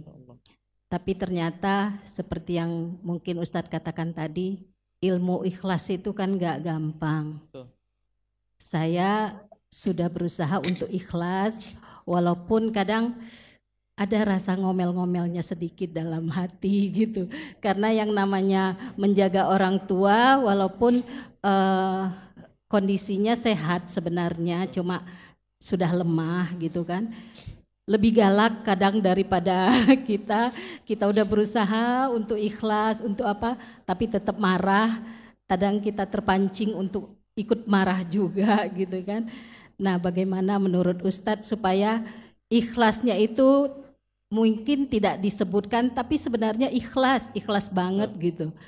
Bagaimana menurut Ustadz pendapat Ustadz uh, menghadapi kondisi seperti saya Baik. ini. Baik. Terima kasih. Ya, sama-sama barakallah. barakallah. Langsung dijawab apa di langsung? Langsung simpan aja. Oh, langsung, oh, langsung. saja. Langsung aja Ustaz, silahkan. Baik. Ikhlas. Apa itu ikhlas? Ikhlas itu artinya memurnikan ketaatan hanya untuk Allah. Mudahnya begini. Lakukan, lupakan lakukan lupakan. ya. Lakukan amal kebaikan kemudian kita lupakan amal itu. Dan seluruh amal itu perlu ada latihannya. Ketika kita ingin jadi orang yang ikhlas maka perlu ada latihannya. Dan sekali lagi saya sampaikan bahwa yang namanya ikhlas itu amalan hati. Amalan hati. Ya memurnikan ketaatan hanya untuk Allah bukan untuk makhluk. Hakikatnya kita taat kepada orang tua bukan untuk orang tua itu sendiri tapi hakikatnya untuk Allah. Makanya Imam Fudail bin Iyad pernah mengatakan tarkul amali li ajlin nasi riyaun wal amalu li ajlin nasi syirkun wal ikhlasu ma yu'afiyakallahu minhuma. Meninggalkan satu amal kebaikan karena manusia itu ria. Kata beliau, wal amalu li ajlin nasi syirk. Kalau beramal karena manusia itu syirik, syirik kecil. Wal ikhlas dan yang disebut dengan ikhlas itu ma yu'afiyakallahu minhuma apa yang Allah selamatkan darimu dari keduanya. Orang yang ikhlas bukan berarti dia tidak ngomel-ngomel, bukan berarti begitu. Tapi boleh jadi namanya manusia ini kan kadang hidup kita ini kadang sedih, kadang bahagia, kadang lagi mood, kadang enggak, kadang lagi marah gitu ya. Tapi kalaupun kita sempat ngomel-ngomel, cepat ingat lagi sama Allah, kemudian beristighfar. Ya. Maka apa indikator ikhlas? Satu, istimror. Terus menerus. Kalau kita berbakti kepada orang tua dan itu ikhlas, maka apa pun yang terjadi, mau orang tua kita ngomel-ngomel, apalagi kalau usianya sudah lanjut usia, Biasanya kan katanya kalau orang yang sudah lanjut usia tuh kembali lagi e, seperti anak kecil, ya. Kalau bahasa kitanya ngeselin, kalau kalau secara ini pasti ngeselin, pasti banyak. Kadang-kadang kita udah ngurus, udah ini kita dicaci, kita dihina, ya. Pokoknya hal-hal seperti itu abaikan saja. Walaupun tadi itu perlu latihan.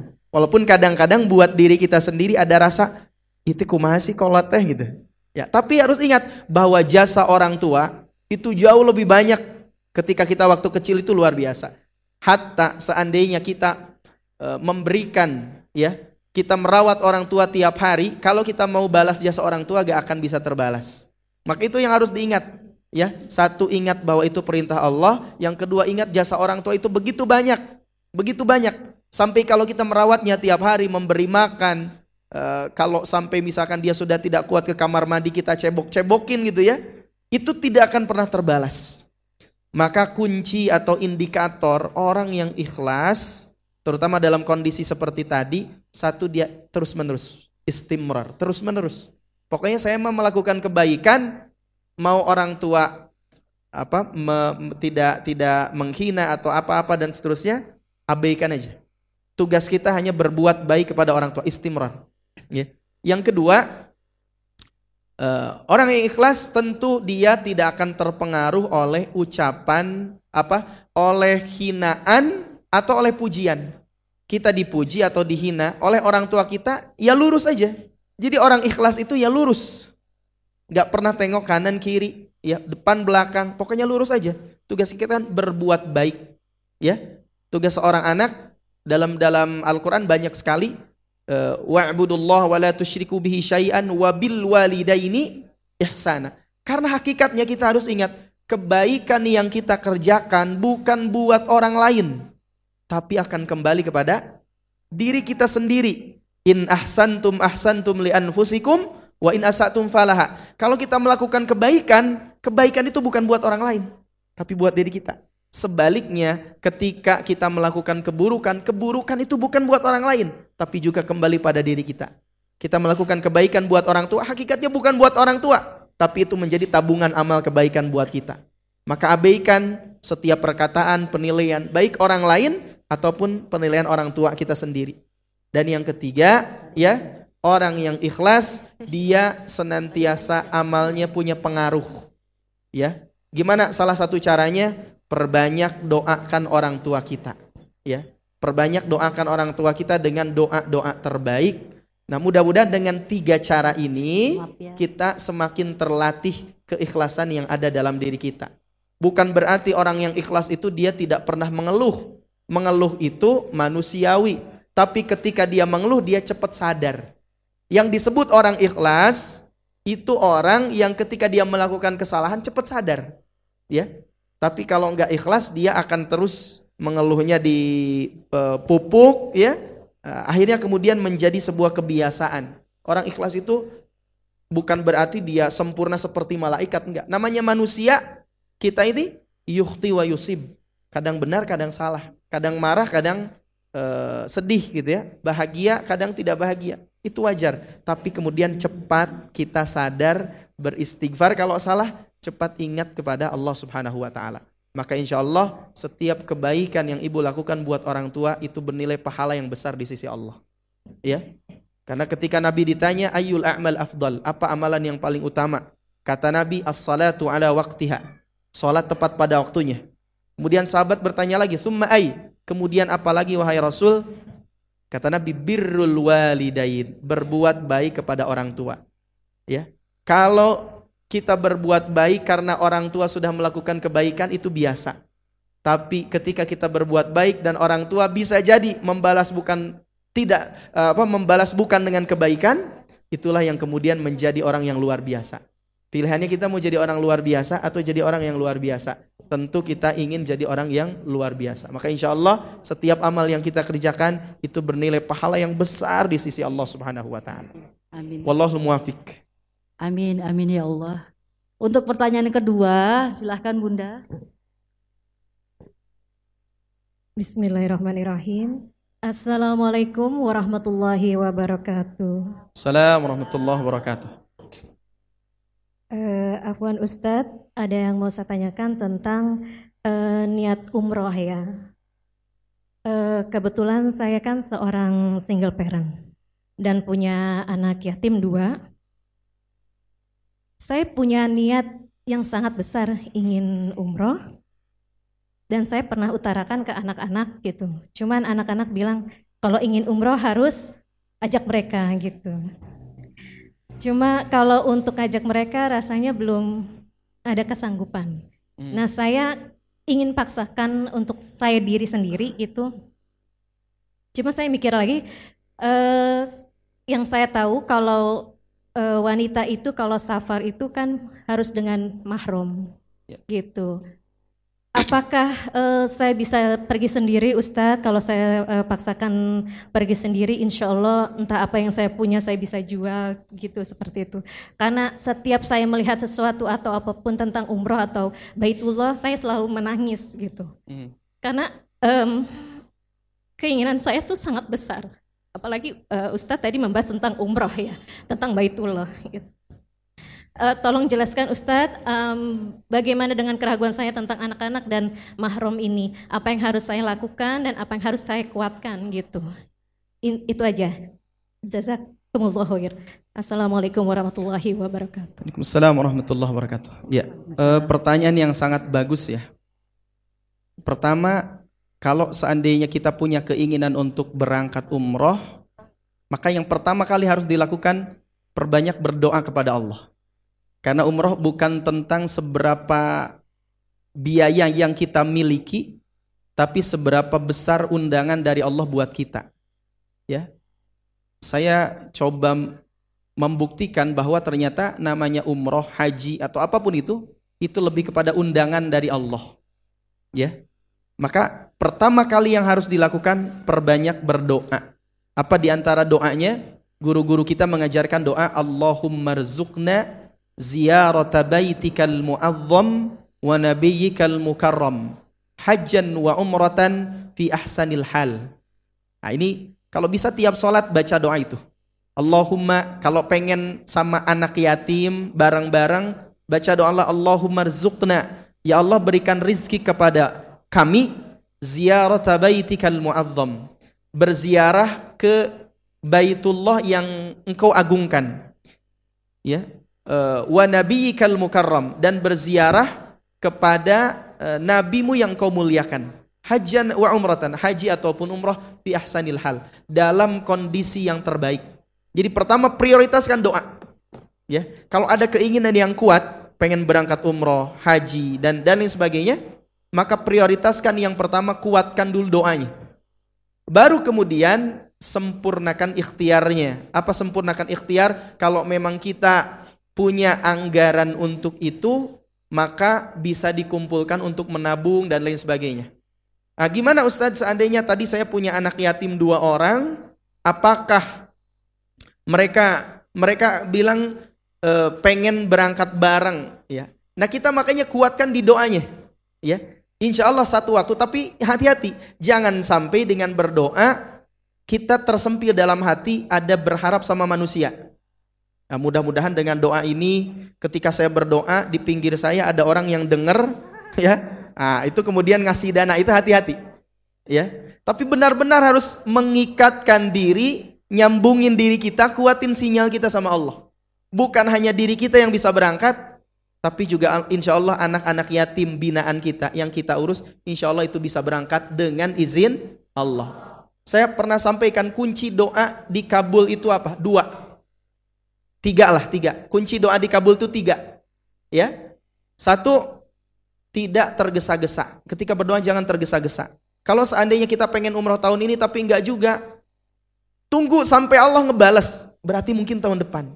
Ya, mungkin tahun depannya lagi. Karena Allah ngabulin doa kita bukan di waktu yang cepat tapi di waktu yang tepat. Ya. Makanya kita berdoanya begitu. Satu, doa sama Allah itu harus apa tadi? Jangan tergesa-gesa berdoanya. Yang kedua, harus yakin bahwa doa yang kita panjatkan pasti dikabul. Sebab kata Nabi Muhammad SAW, Udu'ullaha wa antum muqinuna bil ijabah. Berdoalah kepada Allah dan kamu yakin bahwa doamu akan dikabul, akan diijabah. Berapa banyak kita berdoa tapi kita nggak yakin. Ya Allah, ya Rob, saya pengen haji, pengen umroh. Tapi dalam hati, ya Allah, tapi saya nggak punya duit. Kayaknya susah ya umrohnya. Kalau seperti itu, Allah nggak nggak nggak dengar. Kalau bisa minta aja sama Allah, ya Allah ya Rob, saya pengen umroh sama anak yatim gratis. Ya, maka insya Allah Allah yang akan membuat skenario nya dan Allah yang akan menentukan takdirnya. Gitu ya. Jadi harus apa? Doa yakin. Dan yang ketiga apa? Yang ketiga agar doa kita dikabul diulang-ulang. Kalau memang benar keinginan kita kuat, tiap ba'da sholat atau ketika sholat di sujud terakhir doa tuh sama Allah minta ya Allah berangkatkan saya sama dua anak yatim ini haji ataupun umroh. Tapi kalau misalkan ternyata dananya belum cukup, ya minimal kita berangkat sendiri saja. Terus Ustadz gimana Apakah perempuan itu tidak boleh berangkat sendiri tanpa didampingi oleh mahram? Tahun lalu saya membaca fatwa-fatwa terbaru dari Universitas Al-Azhar di Mesir. Ya. Eh, salah satu keputusannya eh, dari fatwa di Al-Azhar di Mesir itu perempuan itu boleh melakukan safar sendiri dalam kondisi aman atau dalam kondisi dia berkelompok. Ketika umroh itu kan Sendiri apa berkelompok? Kecuali kita umrohnya gak pakai travel, berangkat sendiri perempuan, ya. Datang ke sana cungak cengok, bahasa Arab hafalnya e, gak banyak hafal, cuman assalamualaikum doang gitu ya.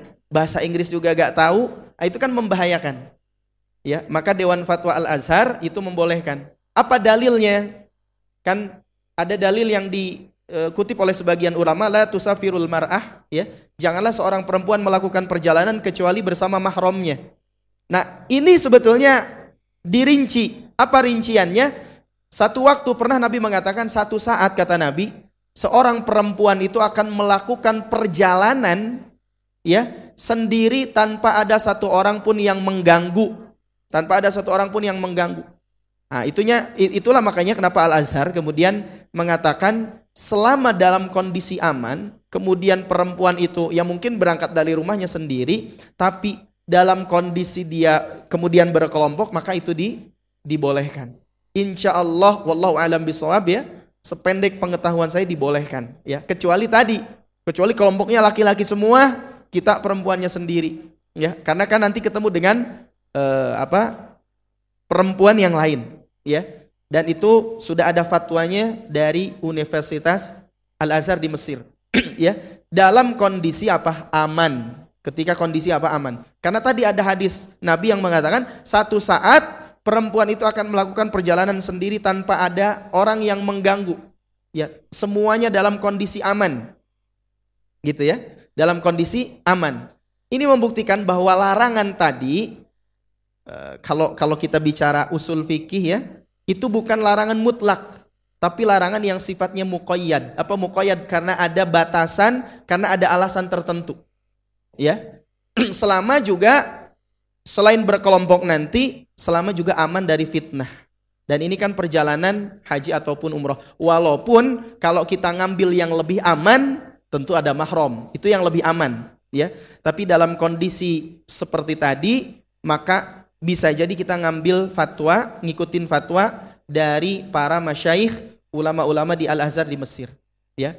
Maka saran saya adalah satu perbanyak berdoa. Kalau memang ada dananya baru untuk sendiri saja, ya gak masalah. Berangkat dulu sendiri, ya kemudian di sana berdoa. Karena di sana kan tempat mustajab, berdoa kepada Allah, meminta kepada Allah agar nanti keberangkatan yang kedua bisa mengajak anak-anak yatim yang kita bina ya dan berkaitan dengan hukum gitu hukum seorang perempuan melakukan perjalanan ya tadi di situ ada khilaf ada perbedaan pendapat di antara para ulama. Ada yang mengatakan larangan itu mutlak ada yang mengatakan boleh dengan syarat gitu ya.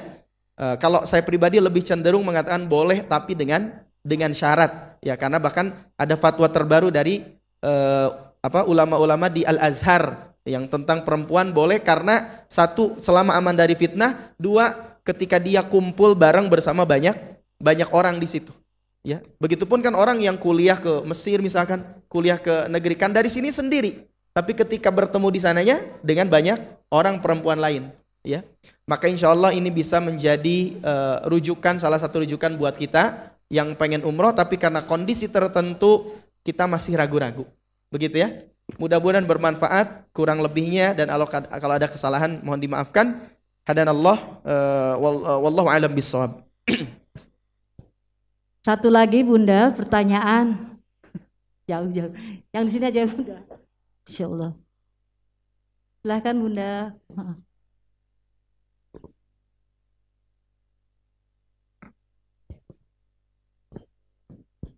Assalamualaikum warahmatullahi wabarakatuh. Assalamualaikum warahmatullahi wabarakatuh. Nama saya Ibu Rahmaniah dari Balitro. Pak Ustadz saya mau tanya bagaimana hukumnya untuk seseorang yang belum apa mahir dalam melafalkan makhrajil huruf dan tidak paham hukum-hukum tajwid kemudian ditunjuk menjadi imam taraweh dengan dan dia pun mengimaminya itu dengan gerakan cepat gitu bacaannya gitu itu real nyata kejadian ada di sekitar kita gitu. Bagaimana itu hukumnya Pak Ustadz? Terima kasih. Wassalamualaikum warahmatullahi wabarakatuh. Baik. Assalamualaikum warahmatullahi wabarakatuh. Jadi ada begini, ada orang yang mau tapi tidak mampu. Ada orang yang mampu tapi tidak mau. Harusnya idealnya kan dia mam, dia mau dan dia mampu. Ya. Kalau kondisi seperti itu bagaimana? Ya sebetulnya begini, ada kondisi-kondisi tertentu membaca Al-Qur'an ya. Kalau kita kan mohon maaf di beberapa tempat kadang yang ditunjuk jadi imam itu satu dilihat siapa yang paling senior. Oh paling senior, paling sepuh dia jadi imam. Padahal ikronya baru ikro empat. ya. Atau orang mohon maaf kalau di tempat Eh, transit gitu ya di stasiun atau di, dilihat. Kalau laki-laki usia apa yang paling panjang jenggotnya? Oh jenggotnya paling panjang oh jadi imam. Gitu kan? Imam Syafi'i sendiri sebetulnya eh, kalau kalau kita lihat riwayat hadis Nabi siapa yang paling berhak menjadi imam maka kata Nabi aqra'uhum yang paling bagus bacaannya paling bagus bacaannya paling banyak hafalannya eh, walaupun ketika diurai ke fikih madhab uh, Imam Syafi'i mendahulukan siapa yang lebih faham terhadap agama. Gitu ya. Tapi kalau gimana kalau dalam kondisi seperti tadi ya memang tidak bisa di sini ada istilahnya huk, uh, bagaimana hukumnya, bukan itu pertanyaannya. Tapi pertanyaannya adalah kenapa panitia menunjuk orang itu? Nah gitu ya. Harusnya panitia tuh di briefing minimal standar yang jadi imam taraweh ini A, B, C, D dan seterusnya. Ternyata semuanya gak ada tuh kalau yang kayak gitu. Berarti gak ada taraweh dong, bubar dong ya. Kita bisa sekarang insya Allah stok ustadz itu banyak. Santri banyak kita undang imam taraweh dari luar. Nah, kemudian minta jadi imam taraweh di sana. Ustadz anggarannya gak ada. Insya Allah ya anggarannya kalau kita apa namanya ta'awun kerjasama itu pasti ada. Ya. Maka kalau kondisi ada orang seperti ini, dia mau tapi sebetulnya tidak mampu. Pertama, ya, kalau dia masih mau belajar maka diajak untuk belajar. Ya. Dan yang kedua lihat kesalahannya sepatal apa? Kesalahannya sampai di level mana? Kesalahan membaca Quran itu ada dua. Ya.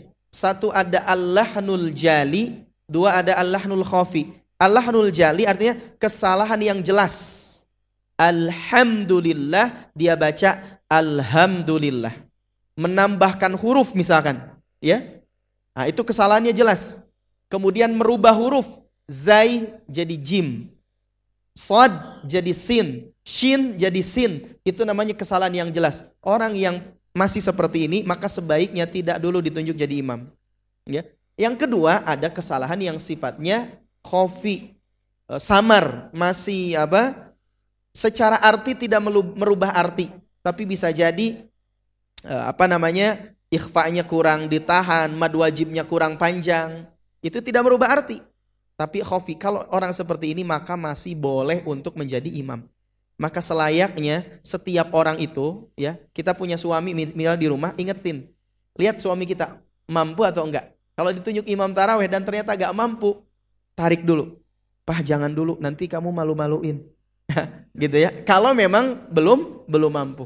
Tapi ada orang yang mampu tapi tidak tidak mau karena bisa jadi malu atau apa. Bahkan saya pernah di masjid itu ada orang yang sebetulnya mampu, tapi kalau eh, apa namanya maju ke depan jadi imam, dia grogi. Dia hafal surat An-Naba, tapi pas jadi imam itu jadi acak-acakan. Gitu ya. Padahal saya bilang namanya jadi imam itu kan enak. Kalau ceramah gini kita apa dilihatin orang. Kalau jadi imam nggak dilihatin orang kan, di ngebelakangin orang. Bayangin aja bahwa di belakang itu seakan-akan nggak ada orang, ya. Nah, cuman kaget aja kalau makmumnya pas baca amin. Amin, aminnya banyak lagi kan. Kalau orang yang nggak biasa, nah itu kadang-kadang kaget seperti itu. Nah maka seperti tadi, maka sebaiknya tidak dulu ditunjuk jadi imam, berikan saran kepada panitia, bukan harus ada seleksi, bukan, tapi lebih kepada mencari siapa yang udah bagus bacaan. Bukan harus banyak hafalan ya. Jangan sampai begini, ada orang yang kadang-kadang bacanya surat-surat panjang tapi ancur-ancuran. Lebih baik dia baca surat pendek, dia hafalnya cuma dari atakasur sampai uh, kul birobinas. Itu jauh lebih baik kalau bacaannya bagus benar daripada orang yang baca anaba ya sampai anaziat dan seterusnya tapi ancur-ancuran. Itu enggak lebih bagus. Ya. Maka sebaiknya di uh, apa namanya ditunjuk ya, di di diseleksi lah. Tapi tentu dengan cara yang halus.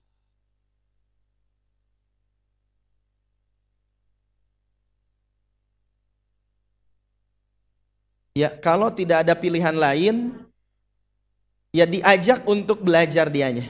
Atau tadi cari ustadz di kampung sebelah. Atau bu bukan hanya ustadz ya, yang bacaannya bagus dan mau di kampung sebelah. Ya, nah, insya Allah banyak, insya Allah banyak ya. Karena daru kalau darurat itu kan misalkan begini, kita tinggal di hutan, gak ada siapa-siapa lagi, ya. Nah, kecuali orang itu, nah, itu darurat. Namanya darurat, dalam kaidah usul, ad-daruratu tubihul mahzurat. Sesuatu yang darurat itu membolehkan sesuatu yang tadinya dilarang dalam agama. Kalau ini kan masih ada kampung tetangga sebelah atau jangan-jangan anak kita juga sudah lebih bagus bacaannya. Kalau taraweh itu, para ulama boleh seorang anak kecil mengimami sholat sunnah itu boleh. Bahkan di zaman Nabi ada anak yang usianya tujuh tahun itu jadi imam. Ya, jadi anak kecil tuh, anak kecil. Anak kita ternyata hafalannya sudah dua juz. Anak kita aja suruh jadi imam taraweh. Nah itu, walaupun belum balik, boleh kalau sholat sunnah boleh. Kalau sholat wajib memang ada perbedaan pendapat para ulama, tapi kalau sholat sunnah boleh. Ya, Insya Allah Indonesia ini sekarang banyak orang-orang yang hafal Quran, bacaannya bagus, insya Allah. Termasuk anak-anak kita kan masukin sekolah, itu latih itu jadi imam taraweh dulu. Ya, kalaupun nggak di masjid, minimal di rumah dia jadi imam taraweh. Gitu ya. Begitu kurang lebih wallahu a'lam bissawab. Ah, harus sudah sunat ya. Kalau belum sunat nanti ngompol ya. Kalau eh, nggak uh, tahu ya sunatnya kalau di saya itu kan kalau di kita rata-rata tiga tahun empat tahun sudah disunat. Kecuali ya sebaiknya kan disunat itu makin cepat makin baik ya. Jangan sampai udah mau balik itu baru disunat gitu ya. ya sebaiknya harus sudah di disunat dulu ya. Wallahu alam. Jazakallah Ustadz atas jawabannya dan penjelasannya dari pertanyaan bunda-bunda semua. Semoga bermanfaat. Dan mohon maaf untuk pertanyaan yang belum disempat dijawab. Kami bisa, uh, bisa kami mengundang kembali Bunda untuk kehadirannya sekalian untuk pekan berikutnya pada hari Senin 13 Maret bersama guru kita Habib Mahdi Hamzah bin Asegaf di Masjid Agung dan di hari Kamis pada tanggal 16 Maret bersama Ustadz Dadang Khalilullah di Masjid As-Sofia. Alhamdulillah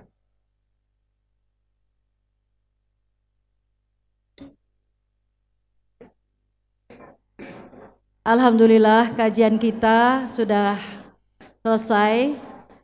Uh, kita tutup kajian kita dengan doa yang dipimpin oleh Ustadz Samsam. Oh, Masya Allah. Mohon maaf. Ada uh, tadi pertanyaan dari bunda-bunda semua, yang tiga tadi itu. Kami dari sahabat Alkansa ingin memberikan apresiasi uh, tanda cinta kami untuk bunda-bunda yang tadi bertanya. Silahkan bunda untuk maju ke depan. Ustaz.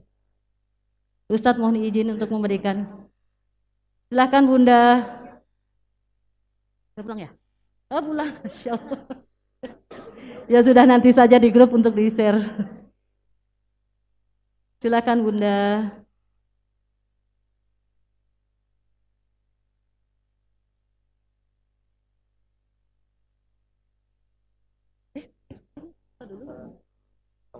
share.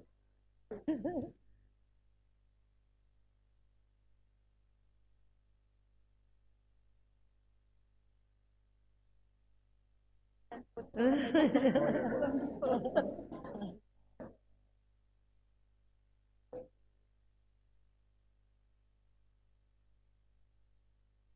Alhamdulillahirabbil alamin. Masya Allah. Alhamdulillah baik Ustadz, kita tutup kajian kita hari ini dengan mohon doa yang dipimpin oleh Ustadz Samsam. Baik di sesi terakhir mari kita sama-sama menundukkan kepala berdoa meminta kepada Allah agar setiap harapan kita, mimpi kita, cita-cita semuanya dimudahkan dan dikabulkan oleh Allah Subhanahu wa taala. Ala hadhihi niyyah wa ala kulli niyatin salihah al-Fatihah. A'udzu billahi minasy syaithanir rajim. Bismillahirrahmanirrahim. Alhamdulillahi rabbil alamin. الرحمن الرحيم. مالك يوم الدين. إياك نعبد وإياك نستعين. اهدنا الصراط المستقيم. صراط الذين أنعمت عليهم غير المغضوب عليهم ولا الضالين. آمين. اللهم صل وسلم وبارك على سيدنا وحبيبنا وشفيعنا ومولانا محمد. صل وسلم وبارك على رسول الله أجمعين. آمين يا رب العالمين. Ya Allah, Ya Rahman, Ya Rahim, Ya Mujibas Sa'ilin. Engkau yang maha tahu Ya Allah. Engkau yang maha mendengar Ya Allah. Engkau yang maha tahu isi hati kami Ya Allah. Engkau yang maha tahu aib-aib kami Ya Allah. Engkau yang maha tahu dosa-dosa kami Ya Allah. Ya Allah Ya Rabb. Ampuni setiap kesalahan kami Ya Allah. Baik ucapan kami ataupun perbuatan kami Ya Allah. Begitu banyak ucapan kami yang kadang-kadang menyakiti orang lain ya Allah. Begitu banyak ucapan kami yang kadang-kadang mengandung kebohongan ya Allah. Begitu banyak ucapan kami yang kadang-kadang mengandung pengingkaran kepadamu ya Allah. Ya Allah ya Rabb, ampuni dosa-dosa kami dari perbuatan kami ya Allah. Langkah kaki kami yang kadang kami tidak melangkahkannya ke tempat beribadah kepadamu ya Allah. Tangan kami yang kadang-kadang tidak mau mengambil sesuatu yang menjadi kebaikan buat kami ya Allah. Mata kami yang sedang kadang-kadang tidak terjaga ya Allah. Lisan kami yang kadang-kadang tidak terjaga ya Allah. Allahumma gfir lana wa li ikhwanina alladhina sabaquna bil iman wa la taj'al fi qulubina ghillan lil amanu rabbana innaka raufur rahim. Rabbana la tuzigh qulubana ba'da idh hadaitana Wahab lana min ladunka rahmatan innaka antal wahhab. Ya Allah ya Rabb, berikanlah keberkahan kepada kami ya Allah. Ya Allah ya Rabb, semoga yang hadir di sini senantiasa Engkau limpahkan rahmat kebaikan buat kami ya Allah. Keluarga kami dijadikan keluarga yang saleh dan salehah. Anak-anak kami dijadikan anak-anak yang saleh dan salehah ya Allah. Ya Allah ya Rabb, semoga perkumpulan kami bukan hanya di dunia, tapi kumpulkan kami juga di surgamu kelak ya Allah.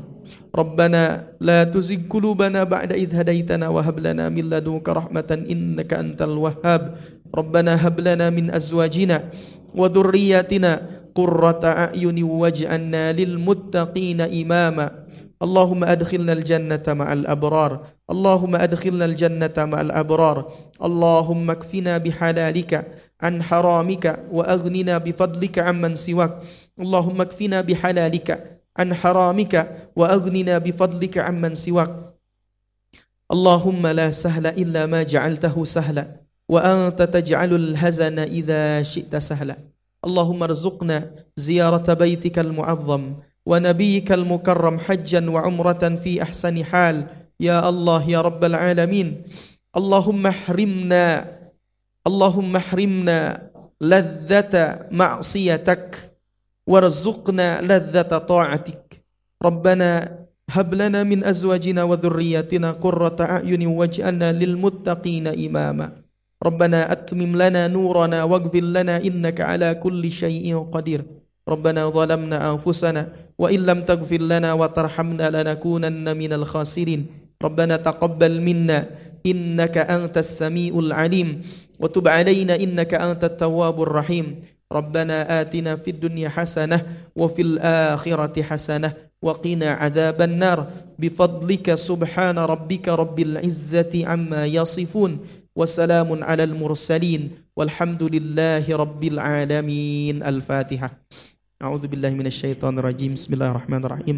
الحمد لله رب العالمين الرحمن الرحيم. مالك يوم الدين. إياك نعبد وإياك نستعين اهدنا الصراط المستقيم صراط الذين أنعمت عليهم غير المغضوب عليهم ولا الضالين آمين Amin, amin, Rabbal alamin.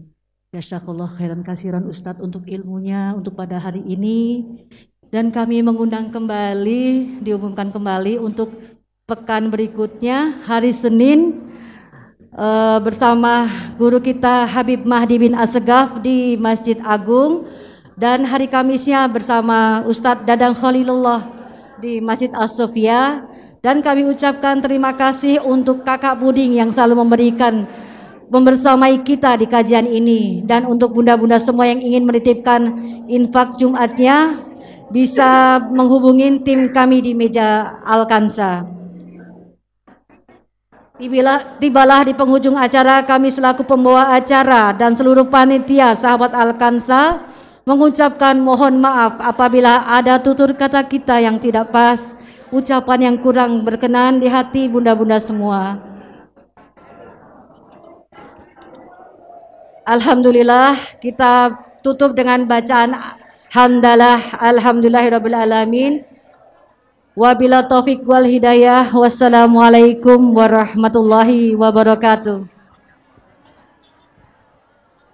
Ramadan